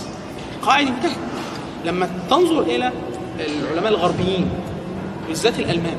أنا محرج وأنا بقول كده بس الألمان لديهم دراسات غريبة جدا عن الصرف العربي. العربي الصف العربي. إيه؟ الصف العربي. هو أصلا لا يكتب الآن في العلوم العربية والإسلامية. آه، دكتور آه، دكتور بشير نافع حاجة ليه كتير في الجزيرة. هو أستاذ تاريخ إسلامي دراسات إسلامية في بريطانيا. هو فلسطيني عربي. وليه أصول مصرية كمان. مرة بكلمه على قائمة من قائمة كتب التاريخ. هو متخصص في التاريخ. قلت له أعطيني قائمة بكتب الدراسات العليا لديكم في التاريخ. في كان يدرسها في في بريطانيا. فأرسل لي قائمة تتج... يعني في حدود 600 كتاب. انجليزيه فقلت له يعني لا إحنا التاريخ العربي سيرة النبي صلى الله عليه وسلم ودوله الخلافه وتاريخ الإسلام حتى الآن. 600 مرة. فقال لي هم بنسبة 99% إنجليزي. في منهم عربي بس آه، ترجم أيضا أيضا للانجليزيه فلما تكلمنا عن هذا الأمر فقال لي أن اللغة الإنجليزية اللغة الإنجليزية هي لغة إسلامية في الخمسين عام الماضيه فقلت له يعني إيه لغة إسلامية؟ قال لي للأسف كل ما كتب شيء يعني شيء محترم كتب عن العلوم الإسلامية بعامة. هو متخصص تاريخ لكن أنا بعد ذلك لما يعني وضعت المقوله مقولة الدكتور على محك الاختبار وجدتها صحيحه معظم الدراسات الآن أنا لدي يعني ب- يسمى يسمونها بال- بال- بالبيبلوغرافيا أظن أو كذا. لكن بالعربية ثبت بكل المؤلفات آه، الأوراق البحثية بالإنجليزية الفرنسية الألمانية لكن معظمها بتترجم إلى الانجليزيه أو بتكتب بالإنجليزية ابتداء حتى عن العربية. معظم أكثر من 95% من من الكلام المهم والكتب المهمة والأبحاث التي يعني آه، يعني نتج عنها أشياء عملية جيدة تضاف إلى إلى علوم اللغة العربية كتبها غير عرب وغير مسلمين من باب أنهم يدرسون يعني حفريات من باب الدراسة يعني؟ يعني سلوك ال- ال- الدببة البنية مثلا أو الدببة الرمادية. هم والله يعني أحيانا هم يدرسون الظاهر من, من يعني الدراسات الاستشراقية في, في أول الأمر كانت من باب يعني سوف يعني نحتل أراضي يسكنها بعض الناس فنريد دراسة سلوكيات هؤلاء من سنأخذ أرضهم لغتهم ومن باب التحنيط يعني إيه حتى لو اختفوا لا يقال بعد ذلك أن يكون هناك لغة ما لغة عربية. كتب في ذلك أحمد خالد توفيق رواية اسمها أرض أرض العضايا صح؟ قيمة عبقرية. أرض العضايا صحيح؟ من مو... من سلسلة ما وراء الطبيعة أيوة. كان هناك هو هو ابتكر. أحمد خالد توفيق من الناس اللي ليها فضل على الجيل المعاصر في عربيته جيدة يعني هي عربية معاصرة مش يعني مش فصيحة قوي لكن تعويد الناس على القراءة القراءة بالعربية الفصيحة. هو يفصح ال- الكلمات العامية. فهو ابتكر أصلا فكرة عوالم موازية آه، رجل وامرأة سالم وسلمى أظن. في آه، هذا هذا أصلا الروايات أصلا داخلة في علم الأدب الحديث. يعني آه، إنتاج ما أنتجه العرب بلغة في المعاصر. هو جيد على فكرة يعني يستحق الدراسه في كلية دار العلوم نحن ندرس آه، قصة والروايه والمسرح دكتور محمد البلتاجي رحمه الله آه، من مجتهد الشريعة في التاريخ المعاصر. هو توفي كان عميد كلية دار- العلوم في اواخر أيامه. وله دراسات شرعية يعني متينة يعني. كان يوصي طلبة الفقه الفقه بقراءة روايات يوسف إدريس.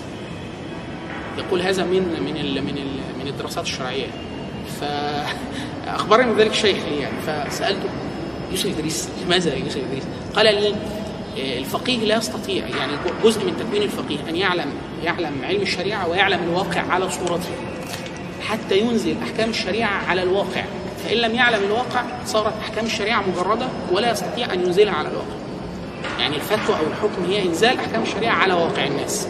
فلهذا يقال في الفقه مثلا لا أنت مثلا لو فقيه مصر ورحت العراق إذا سئلت في مسائل الطلاق لا تفتي.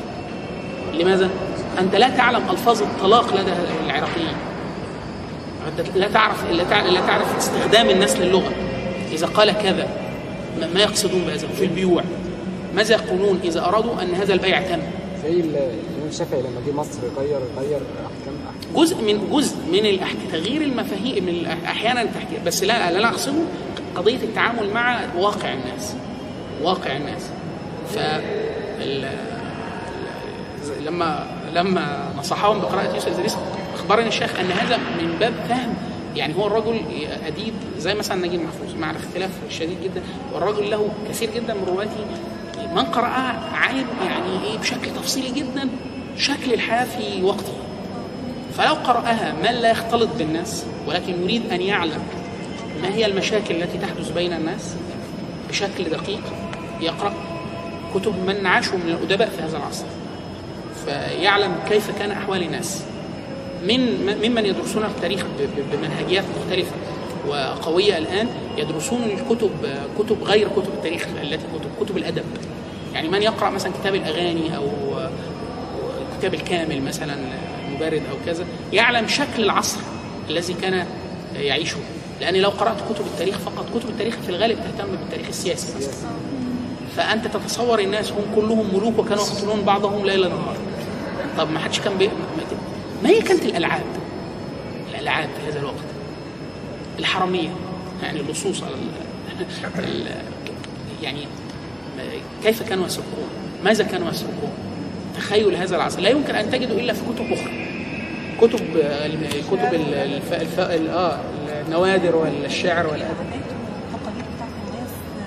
كانوا عايشين إزاي آه. ماذا كانت تلبس النساء؟ يعني مثلا هذا يعني مهم جدا في كتب الفقه. مرة من يعني استطراد وقد تكون مفيدة. يعني. في مسألة من المسائل الشرعية كانت مسألة يعني آه، مشهورة جدا في تاريخ الحركات الإسلامية من بعد سقوط الخلافة الإسلامية. يعني حكم تحكيم القوانين الوضعية. آه، كل الأحكام التي أتى بها الاستعمار ومن بعده حتى الآن هي قوانين وضعيه ليست لها علاقة بالشريعة. إما تصطدم اصطدام مباشر مع الشريعة إما يعني تعتبر الشريعة جزء منها ولكن ليست هي المهيمنة. فما ما حكم الديار؟ وما حكم الحاكم. ومسألة شديدة جدا. يعني هذه المسألة قتل فيها مئات الآلاف وكفر فيها مئات الآلاف من منذ سقوط الخلافة العثمانية حتى الآن. وخاصة في أدبيات الحركات الإسلامية المعاصرة. مرة من المرات في أثناء نقاشي مع الشيخ هو هو نفسه فأخبرني أن من المسائل التي يعني تريح جدا المختلفين ولكنهم لا يعلمون أن يبحثوا في كتب القضاء الشرعي مش كتب الفقه. لأن كتب الفقه تتعامل مع المجرد. حكم كذا كذا. خلاص؟ دي أحكام نظرية مجردة. طب تنزيلها. كيف كانت تنزل؟ هل خلت الأمة في هذا العصر من علماء؟ لا يمكن. أمة محمد يعني النبي صلى الله عليه وسلم يقول أمتي هذه أمة مرحومة. فتكون أمة مثلا في الأندلس مثلا خلال 100 سنة ولا 150 سنة اختفى العلماء تماما. فلو أتينا بكتب القضاء الشرعي في هذا الوقت كيف كانوا يتعاملون مع الحكام الذين كانوا يدفعون الجزية للنصارى أو يحاربون مع أمراء النصارى مسلمين؟ هل كانوا يكفرونهم بهذا أم يعتبرونها كبيرة من الكبائر؟ طيب الديار الإسلامية التي سق- سقطت في أيدي النصارى سواء قبرص أو الهند الكبرى أو أو الأندلس كيف تعاملوا مع هذا؟ قضية بعد ذلك علمت علمت أنها مسألة معروفة في الكتب القديمة في كتب القضاء اسمها قضاة الدجن اللي هم القضاء الذ- الذين قبلوا أن يعملوا تحت إمارة كافر. ولكن يقضوا في أمور المسلمين بالشريعة أو أحيانا بالشريعة وأمور مختلطة. ما حكمهم؟ فهذه قضية اسمها اسمها قضاة الدجن كتب موجود. يعني في فتاوى تتار خانية. أكبر موسوعة جمعها أحد العلماء الهنود الهند وقعت تحت الاستعمار أكثر من 150 سنة. استيلاء الكافر الأصلي على ديار المسلمين. هذه المسألة. كيف قضى الناس في الهند والباكستان وبنجلاديش وكشمير كل هذه المدة؟ وكيف كانوا يتعاملون معه فلما لو علم الناس هذه المسائل رفع عنهم كل هذا الخلاف. ليه؟ لأنهم لديهم تراث تاريخي من الأحكام والوقائع على المذاهب الأربعة، يعني مثلا قال لا الهند عشان أحناف قالوا كذا، طب خلاص الأندلس ملكية، مش عاجبينك؟ قبرص شافعي، يعني اللي هو إيه؟ كل المذاهب الإسلامية وقعت تحت هذه المشكلة، فأنت لديك تاريخ، لو علمت من أين أتوا بهذه الأفكار؟ هذه؟ تا- من أين تدرس العلوم؟ لا في مراجع غير مباشرة تعلم يعني تتعلم منها العلوم بشكل غير مباشر. طيب. م? ما على حسب العلم يعني على حسب القضاء الشرعي التتار خانية التتار خانية مشهورة جدا في اي أي كتاب من من يتكلم عن القضاة القضاة في الأندلس، الأندلس 800 سنة إسلام، شوف بقى من أول ملوك الطائف لغاية استيلاء سقوط غرناطة. شوف الوضع ده. قضاة الدجن اكتب قضاة قضاة الدجن في دراسة مشهورة جدا كان عاملها الش- الشيخ محمد حسن ولد الددو اسمها مراسلات قضاة الإسلام. آه دي رسالة ماجستير كان ناقشها من فترة. محمد حسن دادا ولد دادا هو رئيس هيئة تكوين العلماء في موريتانيا. يعني هو ظاهرة يعني؟ يعتبر من الظواهر الطبيعية ال- غير الطبيعية. الشيخ حد شافه قبل كده؟ ما شاء الله يعني حاجة يعني غير حاجة غير طبيعية. بالرغم إن هو شكله طبيعي في بلده. يعني هو بيقول إن هو طبيعي في بلده. ما هو يعني يحفظ في أي علم مثلا أكثر من 2000 هو بيدرس 45 الع- الخريطة دي كلها هذا مأخوذ من كلام محمد حسن الجداد. من باب بركة العلم. يعني, يعني أنا الخريطة دي أصلا يعني أصلا مش ليست من عندياتي.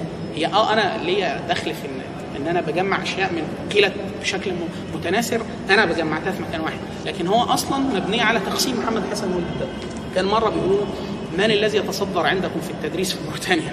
فيقول لا يتصدر في التدريس ابدا إلا من يستطيع تدريس كل هذه العلوم. لا يقعد للعلم إلا من يدرس هذه العلوم. قالوا طب كيف تقطعون بأنه يستطيع يقول على الأقل على الأقل يستطيع أن يدرس ألفية في هذا العلم. ألفية. يقال ان محمد حسن الددو في موسم الحج. واحد يع- يعلم أن هذا محمد حسن ولكن في ملابس الإحرام كل الناس تتساوى في الشكل. فقال سأله أحد فأفتاه استفتاه في مسألة في السحر. فكأل فكلمه فكأن. لولا أنه يعلم أنه الشيخ محمد حسن لظن أنه ساحر. لأنه يذكر نصوص من كتب السحر بنصها فلما مشى يعني غادر الرجل قال له كيف يعني؟ قال للأسف هو ذاكرته قوية جدا. وليس من باب إن هو يعني اتولد كده لا هي طبيعة البيئة لو يعني ذكرت لكم بعد ذلك طرف منها كثير جدا من الناس بهذه الكيفية في موريتانيا بلد اسمها شنقيط ينسب إليها يقال شناقط أو شنقيط فيقول أنا يعني محفوظي أي شيء بقرأه بحفظه على طول. فقرأت فترة في كتب السحر عشان أعرف الأحكام الشرعية فحفظت فيعني ما نسيتهاش فيها ما- زالت موجودة في الذاكره لم ينساها. الشيخ محمد الحسن. ف ده رس- هذه رساله الماجستير اللي من الشيخ محمد حسن ولد الدد مراسلات قضاء قضاء قضاة الإسلام أو قضاة الإسلام. الدول الإسلامية في غرب أفريقيا عموما يعني آه، هم على- حاجتهم للطباعة وحاجات الطباعة الحديثة لأن ذاكرتهم مدربة. لا هو إيه هو حافظ على الذاكرة بالتدريب. هو على فكرة كان هنا في مصر ال- الازاهره القدامى كانوا مثل الازاهر ال- الأز- الازاهر كانوا كانوا على مثل هذا في الحفظ لماذا؟ كان التدريس يعني الطبيعي أن الناس تحفظ القرآن قبل السادسة وأن تتعلم الشيء. يعني هو يقول أنا أمي هو يمنع هناك الطفل من حفظ القرآن قبل السابعة على مذهب عبد ابن عبد البر. يمنع. يعني لو أراد أن يحفظ يمنعوه من حفظ القرآن. يحفظوه الشارع حتى لا يلحن في القرآن. فقال أنا حفظت المعلقات قبل ال- ال- السابعة وخرقت الحظر. كنت أحفظ أسمع أخي ال- الذي يكبرني الذي تجاوز الس- السابعه فسمحوا له بالحفظ أسمعه وأحفظ آه، من ورائه فأتم حفظ المعلقات وحفظ القرآن قبل السابع. وهو يعني ما شاء الله يعني يعني رجاء ابحثوا عن حلقة باسم سوانح الذكريات مع عبد العزيز القاسم أحد الصحفيين المشهورين في السعودية. له ست حلقات مع حسن محمد الحسن والددو اسمها سوانح الذكريات سوانح الذكريات محمد الحسن ولد الددو ولد ولد.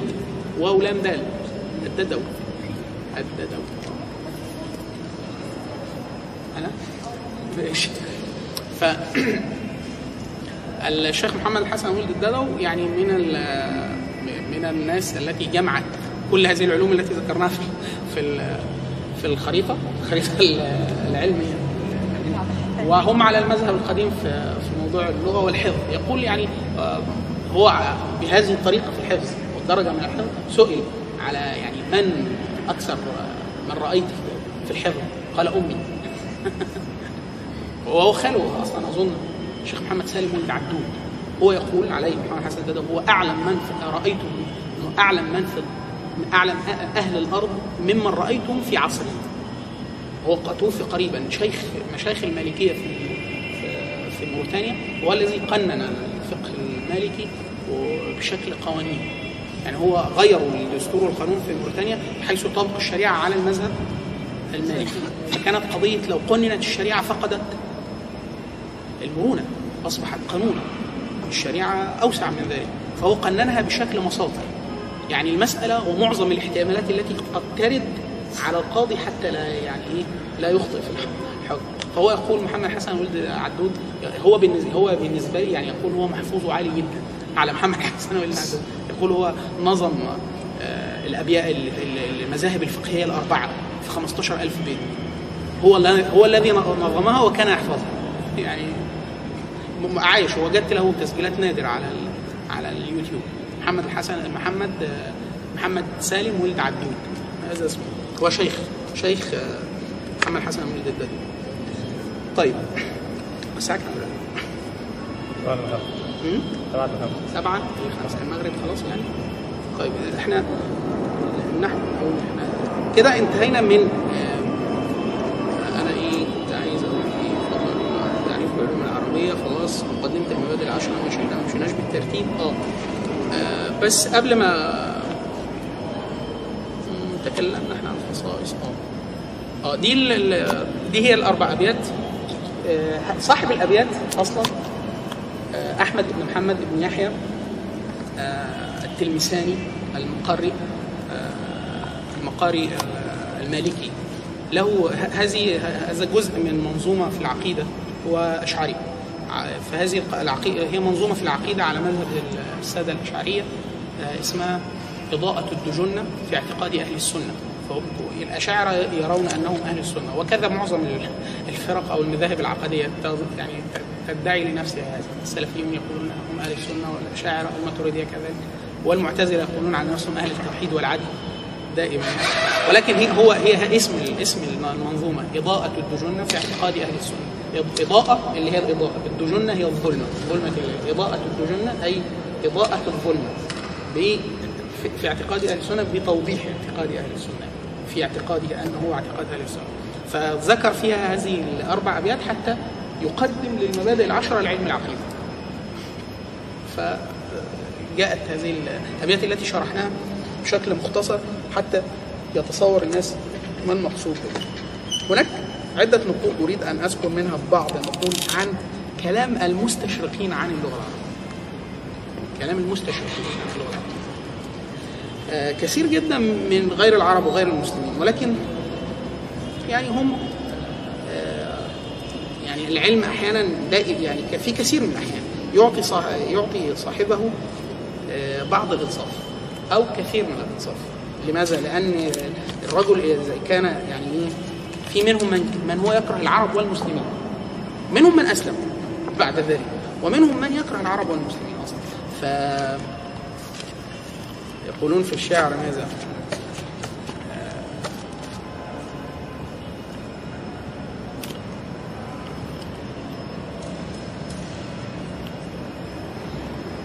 وآه ومليحة شهدت لها ضراتها والفضل ما شهدت به الأعداء يعني لو كانوا هناك نساء ضرائر يعني زوجات لرجل واحد فشهدت إحداهن للأخرى بأنها مليحة أو جميلة فالفضل ما شهدت به الأعداء فكذا شهادة المستشرقين لل للعربية.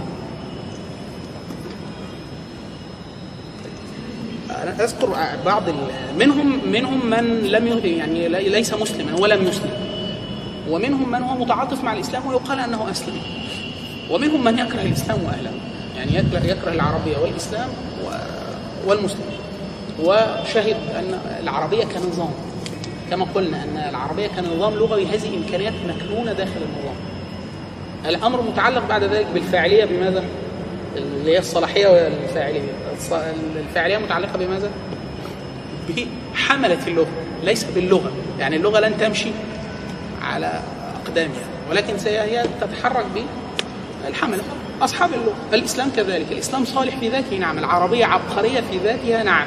طب لماذا العربية لغة محتقرة جدا في هذا العصر؟ ولماذا المسلمين في هذا الوضع ال- الرائع الماتع في هذا العصر؟ ليس عيبا في الإسلام ولا في العربية ولكن حمل يعني آه، قل هو من عند أنفسكم.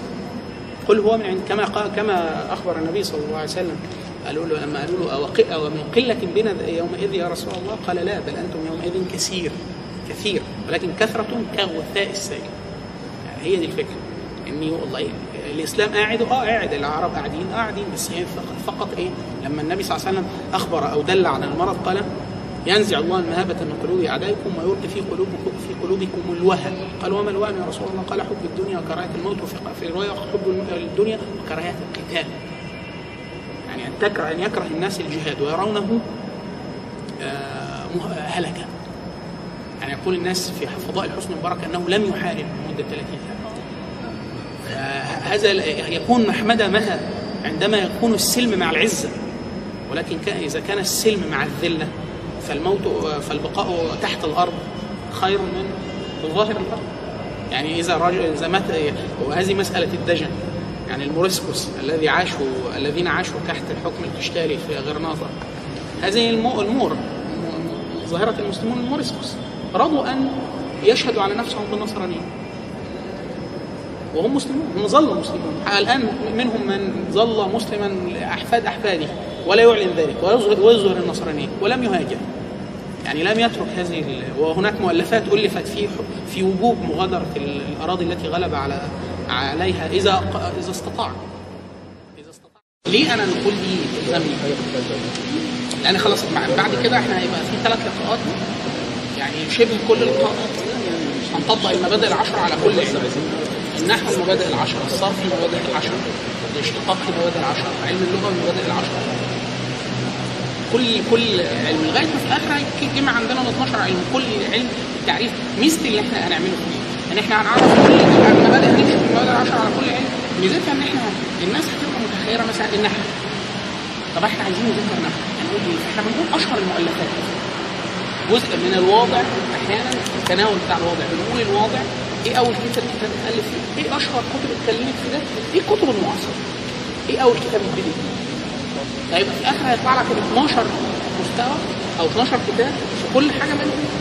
أول حاجة في النحو لو حد هيشتغلها لو معاه شيخ يبقى كذا لو من غير شيخ كذا لو كتاب قديم كذا لو كتاب معاصر يبقى كذا. إيه ميزته؟ وهكذا.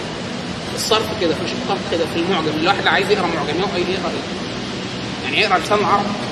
20 20 مجلد. تلاقي في حاجة اسمها مختار الصحافة. ينفع يتقري معجم كامل يتقري ليه صغير؟ لو قريت كل مادة نص كل يوم نص مادة نص الهمزة نص البيت نص هتلاقي نفسك بكلام إيه؟ يعني دارج ومستخدم مش مش مش بشع يعني؟ فأنا حابب أختم بال مجموعة مق- مقولات عن مستشرقين فيها فيها ملاحظات اللي هم لرصد اسباب قوة العربية وأحيانا مكمن عبقريه العربيه ففي واحد اسمه يوهان فيك ده الماني بيقول إيه؟ بيقول إن العربية الفصحى لا تدين حتى يومنا هذا بمركزها بمركزها العالمي أساسا أساسا لهذه الحقيقة لهذه الحقيقة الثابتة وهي أنها قد قامت في جميع البلدان العربية والإسلامية رمزا لغويا لوحدة العالم الإسلامي في الثقافة والمدنية. يعني هو أدرك تماما إن اللغة هي الهوية بتاعت العالم الإسلامي. ده, ده هي الفضل يعود لايه؟ هي أصلا رمز الوحده الإسلامية. هي أصلا رمز الهويه عشان كده هي استمرت. ده سبب إن العالم العالم الإسلامي كله كان مسيطر على رقعة معظمها غير عرب. إيه سبب انتشار العربية بالشكل بالشكل ده؟ كان الهوية الإسلامية نفسها. إن هي العربية جزء من الهوية الإسلامية لا تتجزا فبقي أي مكان الإسلام بيدخله تعتبر العربية وضع لها خلاص العلم راية العربية رفعت في هذا المكان لأن بالطبع ما دام أسلموا هيتعلموا القرآن والسنة. حتى يتعلموا القرآن والسنة. يجب أن يتعلموا العربيه لقد برهن جبروت التراث العربي الخالد على أنه أقوى من كل محاولة محاولة يقصد بها زحزحة العربية الفصحى عن مقامها المسيطر. وإذا صدقت البوادر ولم تخطئ الدلائل فستحفظ العربية بهذه بهذا المقام العتيد من حيث هي لغة المدنية الإسلامية. ستحفظ فستحفظ العربية بهذا المقام العتيد من حيث هي لغة المدنية الإسلامية. يعني هو بيتوقع, برضه إن حاليا مثلا في طفرة في تعلم العربية في أفريقيا. أكتر لغة بتزيد عدد المستخدمين بتاعها على شبكة الإنترنت هي العربية. رغم إن مركزها أصلا سيء بس المشكلة في إيه؟ في الزيادة. يعني الاسلام حاليا الدين الأول في العالم في زيادة أو زي- عدد ال- آه اسرعهم على الإطلاق. في أوروبا برضه. فهي دي الفكرة إن هو بينظم. حتى ده النقل ده قديم.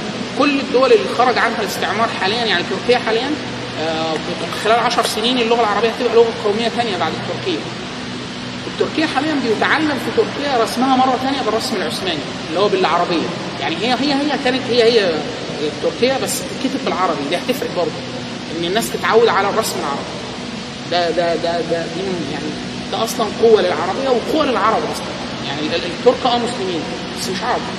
العرب أصلا جزء من قوتهم بغض النظر عن الاسلام والديانه وكذا جزء من قوتهم هي الاقتصادية. في كتاب اسمه في عالم المعرفة اسمه اللغة والاقتصاد.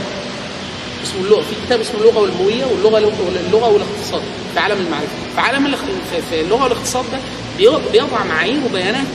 إيه اللي بتعمله اللغة القوية لاقتصاد الدول؟ يعني تركيا مثلا عشان تتاجر مع العالم العربي يجب أن يتعلم الناس هناك لغة العرب. عشان الإسلام اللي هي لغة كانت لغة كانت دولة علمانية يعني عتيدة يعني. لما الإسلام بدأ يعني تعليم العربية والقرآن وكذا حاليا مين هيعلمهم عربي؟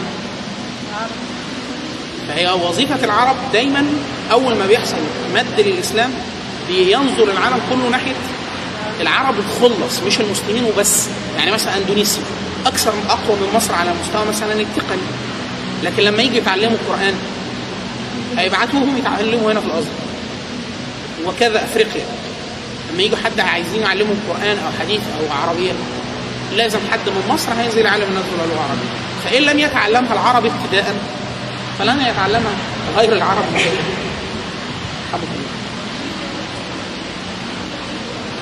إيه؟ لا أنا مش فاكر مش فاكر المؤلف بس هو أجنبي هو مترجم الكتاب مترجم في عالم المعرفة عارف أعداد عالم المعرفة بتاعت الكويت تلاقيها في الازبكيه هي موجودة على, الإنترنت هتلاقي العدد لكن هو ورقي ب 4 جنيه أو 5 جنيه بيتباع في السوق الازبكيه برضه نفس الحاجات مؤلف أحمد درويش كان كاتب آه، كتاب آه، الع- العربية انقاذ الهوية. طبعه نهضه مصر. وليه كتاب عن استنقاذ اللغة من ايدي المحال بس الكتاب اللي أنت لو تقصدي عن الهوية وكذا ده كتاب احمد درويش بس هو كتاب أدبي أكتر من يعني أنا في في كتب أحسن من ده في يعني محاسن العربية في المرآة الغربية. كنت جبته قبل كده مرة معايا. كتاب كبير. محاسن العربية في المرآة الغربية.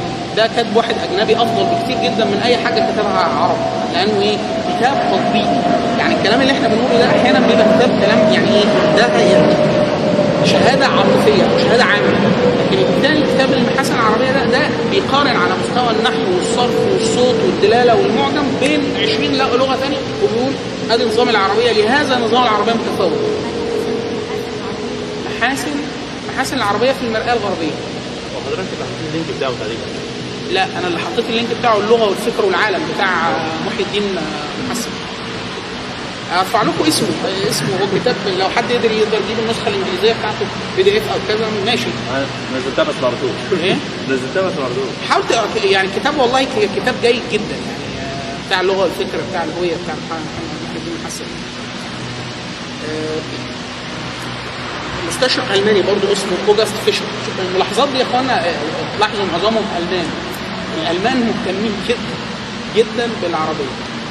لأسباب يعني يعني أنا شخصيا مش قادر أفهمه. حتى هم متقاربين عن- يعني هم أنا شايف إن هم هم واليابانيين أقرب للإسلام بكتير جدا من شعوب تانية. لأن الفلسفة أشهر فلاسفة ظهروا في ألمانيا فلسفة مثاليه والفلسفة المثالية في العلوم لو قارنتها بأي فلسفة وضعيه ثانية أقرب للإسلام من غيرها. لكن هي كلها فلسفات لكن هي أقرب للإسلام. ال- واليابانيين السلوك العام السلوك العام أقرب للإسلام بشكل يعني آه، رئيس المركز الإسلامي أظن الشيخ آه، دبيان أو البيكان هو سعودي. اكبر مركز إسلامي في طوكيو بيقول أسهل شعوب الأرض ادخالها للإسلام اليابانيين بس الصعوبة الوحيدة إن أنت عشان تخليهم يسلموا لازم تكلموا ياباني عشان يفهموك. فان أنت تتعلم ياباني عشان تتقن اليابانيه عايز خمس سنين على الأقل. لأنه هو فعلا لغة صعبة. في واحد زميلنا أخونا اسمه محمود آه، محمود حاجة طالب في هندسة. بيدرس خمس أو ست لغات منهم اليابانيه بيعمل كورس مجاني. اظن هيبدأ السبت ده مراجعة للمستوى الأولاني عشان يبدأ المستوى الثاني الفترة الجاية. بيدي يابانية بشكل مبسط جدا. يقول لك ولا خمس سنين ولا أنا أخلي أي حد عربي يتكلم ياباني في سنة. شاب أنا عايز أتعرف عليه. يعني أنا سمعت بيه وناس كتير قابلته ومتابعه. عامل صفحة على الفيسبوك اسمها متعددو اللغات في مصر. صفحة جيدة جدا. يا ريت تتابعوها. هو اسمه هتلاقوه أكتر واحد بيتس- ده إيه اللي هو بيقول لك مين عايز يتعلم أو مين اللي معاهم كذا لغة في مصر. تلاقي واحد داخل. حد يعرف حاجة ألماني كويس؟ تلاقي 100 رابط اتحط حاجة في أسباني؟ أردن. بشتو أي لغة هتلاقي. هو بيدرس هو ده مشهور قوي في تدريس اليابانية. أنا نزلت كل الدروس بتاعته بي دي اف حاجات آه، بيدي حاجات مبسطة. واضح إن هو إيه يعني من خلال الدربة والتطبيق آه، وجد طريقة سهلة لإيصال اليابانية للعرب لأن هي نظام لغوي مختلف تماما عننا خالص تعلم الإنجليزية أسهل عننا عندنا من اليابانية والكورية. فأوجست فيشر بيقول إيه؟ بيتكلم عن الجهد المعجمي اللي عمله العرب. يقول وإ- وإذا وإذا استثنينا الصين فلا يوجد شعب آخر يحق له الفخار. بوفرة كتب علوم لغته وبشعوره المبكر. بحاجته إلى تنسيق مفرداتها اللي هو المعجم بحسب أصول وقواعد غير العرب الصينيين والعرب. الصينيين اللغة بتاعتهم آه معربة بس عاملين شغل كويس جدا في المعجميات الهنود برضه لأن هم الثلاث حضارات الكبار في وقتها يعني الهندية والصينية والف- والفرس.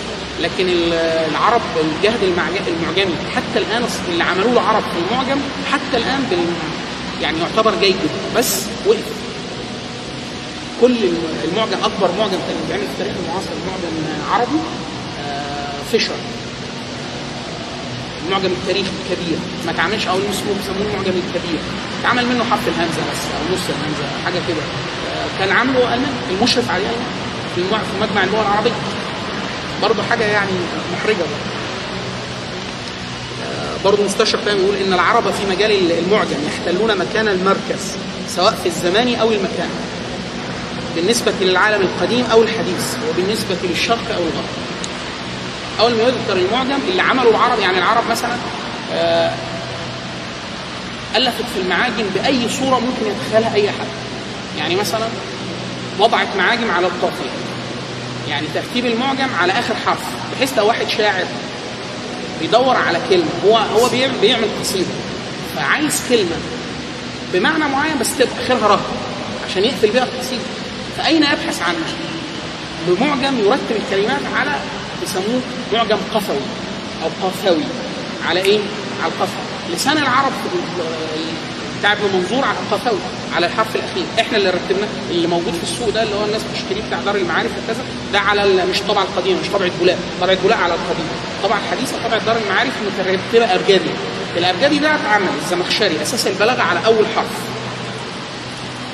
يعني ضرب تلاقيها في الضاد. في لسان العرب ضرب وتلاقيها في البه تمام؟ في ناس رتبت كده والناس رتبت كده. في ناس بعد ما يرتب على آخر حرف يشوف بقى الحروف اللي بعده مين تيجي؟ يجي أنهي حرف؟ يعني الب الأول بعد كده يختار إيه؟ ره ولا الضاد؟ موجود كده ومحطوط كده معاجم. في ناس عملت معاجم للأفعال فقط. في ناس عملت المعاجم لأسماء الخيول فقط. في ناس عملت معاجم لأسماء النب... اسماء النبات والحيوان فقط. أسماء النساء فقط. المضاف. ما يعول عليه في المضاف إليه. طبعته ال- طبعته آه، طبع المجمع. في أربع مجلدات كله بس في الحاجات اللي العرب لا تذكرها إلا مضاف. أم كذا أبو كذا. يعني مضاف. جمعه كله معجم في المضاف. بس فقط.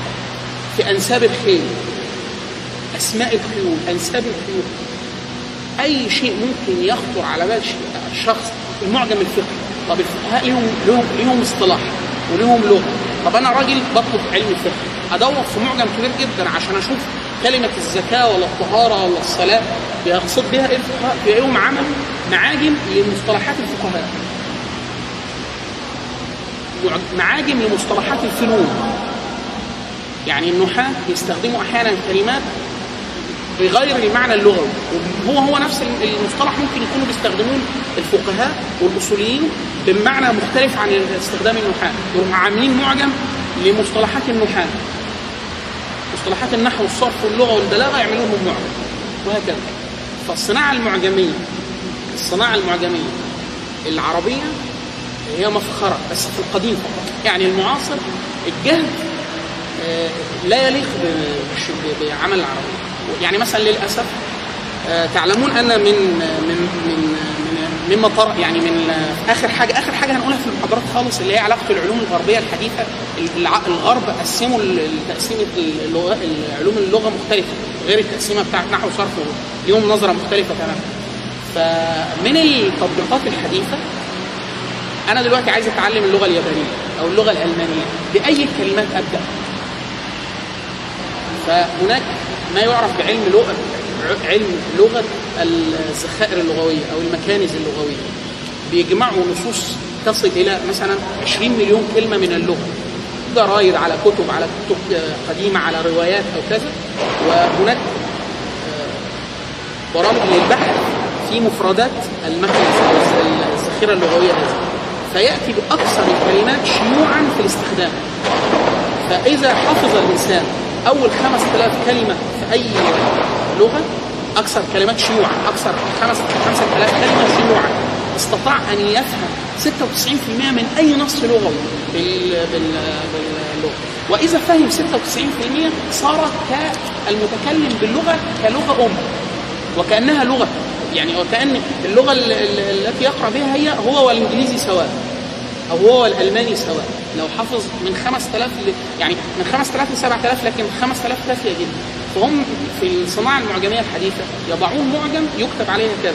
المعجم معجم ال 5000 كلمة الأكثر شيوعا. طبعا إحنا ملناش دعوة بالموضوع لأنه ده أصلا محتاج جهد أصلا في تجميع الذخيرة اللغوية الأول. خلاص؟ فكنت ببحث أنا وصديق ليا طلب مننا عمل معجم لحملة محو أمية. كان اظن فودافون كانت عملتها أو كذا. ففكروا ان يعملوا معجم أكثر كلمات أكثر خمس 5000 كلمة شيوعا في العربيه المعاصره فسألني صديقي قال لي ينفع نعمل حاجة زي كده؟ قلت له آه نقدر نعمل حاجة زي كده. فقلت له إن أنا كان عندي خلفية عن موضوع القائمة الاكثر شيوعا فبحثنا عن معجم نحاكيه فوجدنا المعجم معمول الكلمة الخمسة آلاف الكلمة الأكثر شيوعا في العربية المعاصرة حط واحد أمريكي أو إنجليزي. واللي عامل الذخيرة جامعة ستانفورد بريطانيا. فإحنا وضعنا وضعنا الحضاري محرج. يعني إيه؟ آه، آه، الكتاب الثلاث الثلاثه كتب اللي هي الأكثر آه، تقريرا في دراسة أصل المذاهب الفقهية و- وأصول الفقه ونظريات ونظريات الفقه عند المذاهب الأربعة المعتمدة عند السنة. آه، من وضع آه، دكتور وائل حلاق وهي تدرس في في الخارج وهو أصلا نصراني. وائل حلاق نصراني فلسطيني آه هو عربي بس هو نصراني. وهي الكتب اللي عليها التعويل في في تعليم الأصول وتاريخ نشاه المذاهب والنظريات الحاكمة للمذاهب الفقهيه فيعني آه، إحنا على المحك. لو سمحت هو اللي يحفظ 5000 كلمة ده يقدر يفهم بس ما يقدرش يصير جملة مثلا ما يقدرش يفهم. لا ما هو لحظه ال ال ال إحنا بنتكلم في المعيار إيه؟ معيار الحصيلة اللغوية. لا يوجد لو انت حفظت 5000 كلمة يعني ده مش معناها إن انت حفظت خمس كلمات خمس آه، 5000 كلمة كده. لا لا يقال إنك إنك الممت بال 5000 كلمة الاكثر شيوعا إلا لو حفظتيها في جمل يعني غيري العبارة خليها 5000 جملة. عشان كده المعاجم ال- اللي هي القائمة الاكثر شيوعا ما هي ما هو ترتيب المعجم؟ يضع الكلمة ويضع تحتها جملة أو اثنين فيها معاني الكلمة المستخدمة ف- فأنت هتحفظي الكلمة بايه؟ في سياقها فإذا حفظت 5000 جملة للكلمات الأكثر شيوعا صرتي ك هو الترتيب هكذا أول 100 كلمة تستطيع فهم تستطيع فهم 20% من النص دي تكفي للتعامل اليومي من 300 ل 500 تستطيعي فهم 40 أو 40% من من من. من المسموع ال- المقروء لو تجاوزتي ألف كلمة تستطيعي فهم المع... المعنى المعنى الرئيسي اللي يتكلم عنه النص. لو في نص ألف كلمة لو حافظة ألف كلمة من من اللغة. بس الألف كلمة الإيه؟ الأكثر شيوعا مش أي برضو ألف كلمة. إذا وصلت لل 5000 يبقى هتوصلي من 93 ل 96% وده اللي هو دول الشخص اللي هو ال- ال- اللي ال native يعني أو المتحدث الرئيسي باللغة أو الحد- المتحدث الأصلي باللغة أو يعني هذه اللغة هي اللغة الأم لدى القارئ أو كذا. طبعا لو لو وصلنا لغاية لغاية 7000 آه، كلمة خلاص يعني هو بي- بي- بي- بيزول الفاصل بين المتكلم باللغة كلغة ثانية وكلغة أولى وكأنه وكأنه إنجليزي. يعني أنا عربي لو حفظت أول 7000 كلمة بالجمل كما بينا خلاص الفاصل بيني وبين القارئ ال- ال- الأصلي يعني يزول. هو نفس اللي هيفهمه أنا هفهمه من الأصل. يعني خلاص هنبقى متقاربين هيبان بقى بعد كده في في الفروق إيه؟ في النطق. يعني هيبان. لأن من أكتر الحاجات اللي هي وخاصة لما تكون اللغة يعني مثلا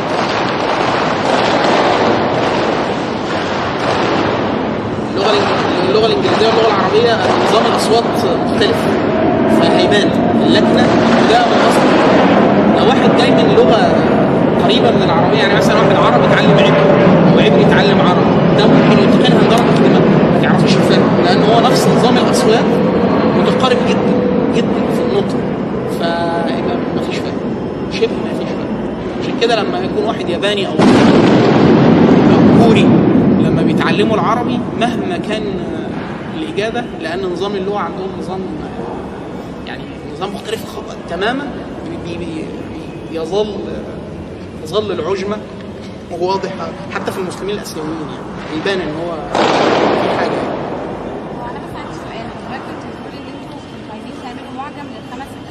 إن الأكثر شيوعا. الاكثر شيوعا فدورتوا على حاجة تحبوها. فلقيتوا حاجة واحد إنجليزي عملها يعني الحاجات هي موجودة؟ ليه تحاولوا تعملوها؟ آه سؤال كويس. هو أصلا ال- الوضع الوضع الكتاب. أصلا هو واضحها للمتحدثين بالإنجليزية. يعني المعجم أصلا إنجليزي. مش عربي. المعجم بتاعنا ما هو ده جزء من الصناعه المعجمية. من المخاطب بالكتاب؟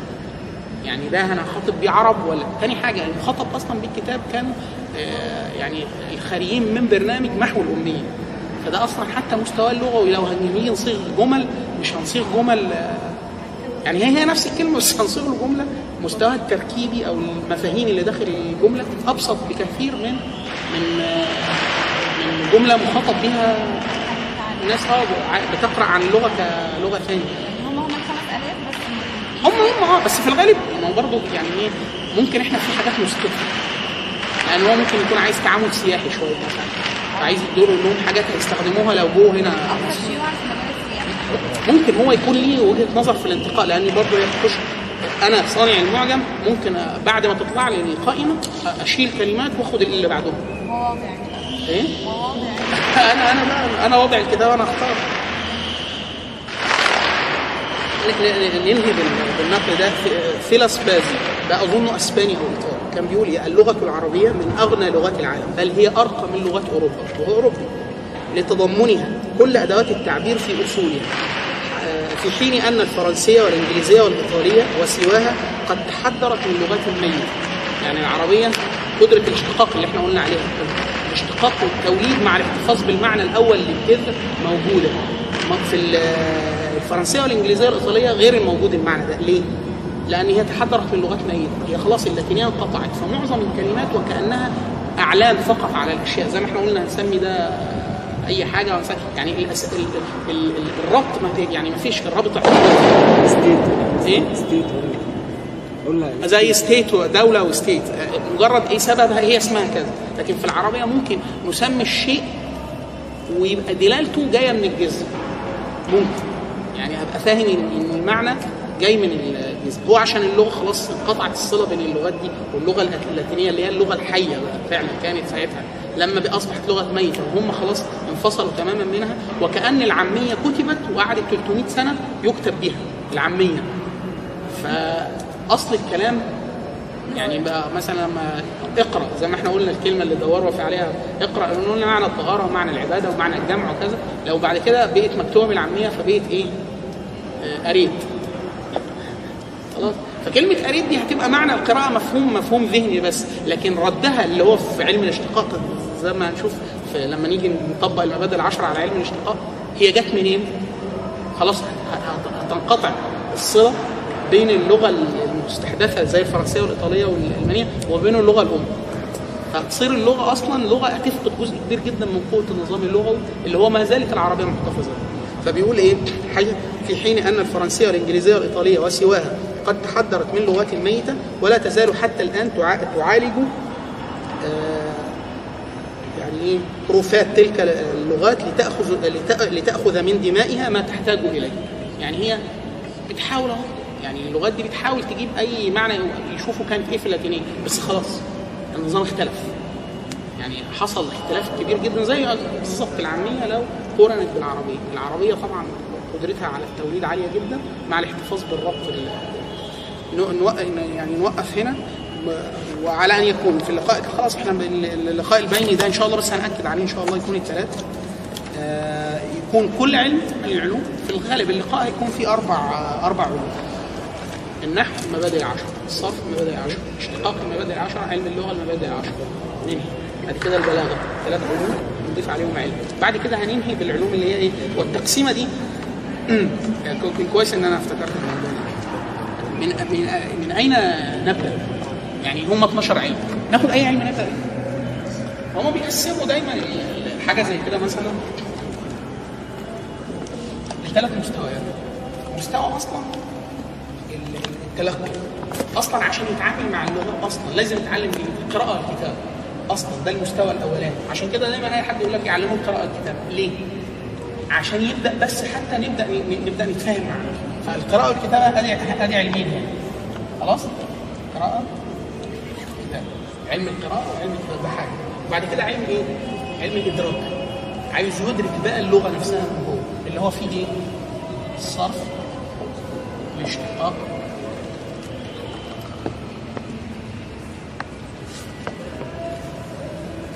النحو المعجم. الصرف والنحو الاشتقاق المعجم ده عشان بس إيه؟ كده بقى يدرك. بعد كده طيب هو ممكن يبقى مدرك واحد يقول لك أنا بقرأ شعر كتير جدا مثلا أو اتعلمت نحو وصرف بس ما بعرفش أكتب كتابه ادبيه أو ما بعرفش أتكلم بلغة عربية فصحى فترة طويلة. خلاص لأنه إيه؟ ده المستوى ده كان ده مستوى تلقي ده مستوى إدراك ده مستوى إيه؟ خلاص بقى إن هو إيه؟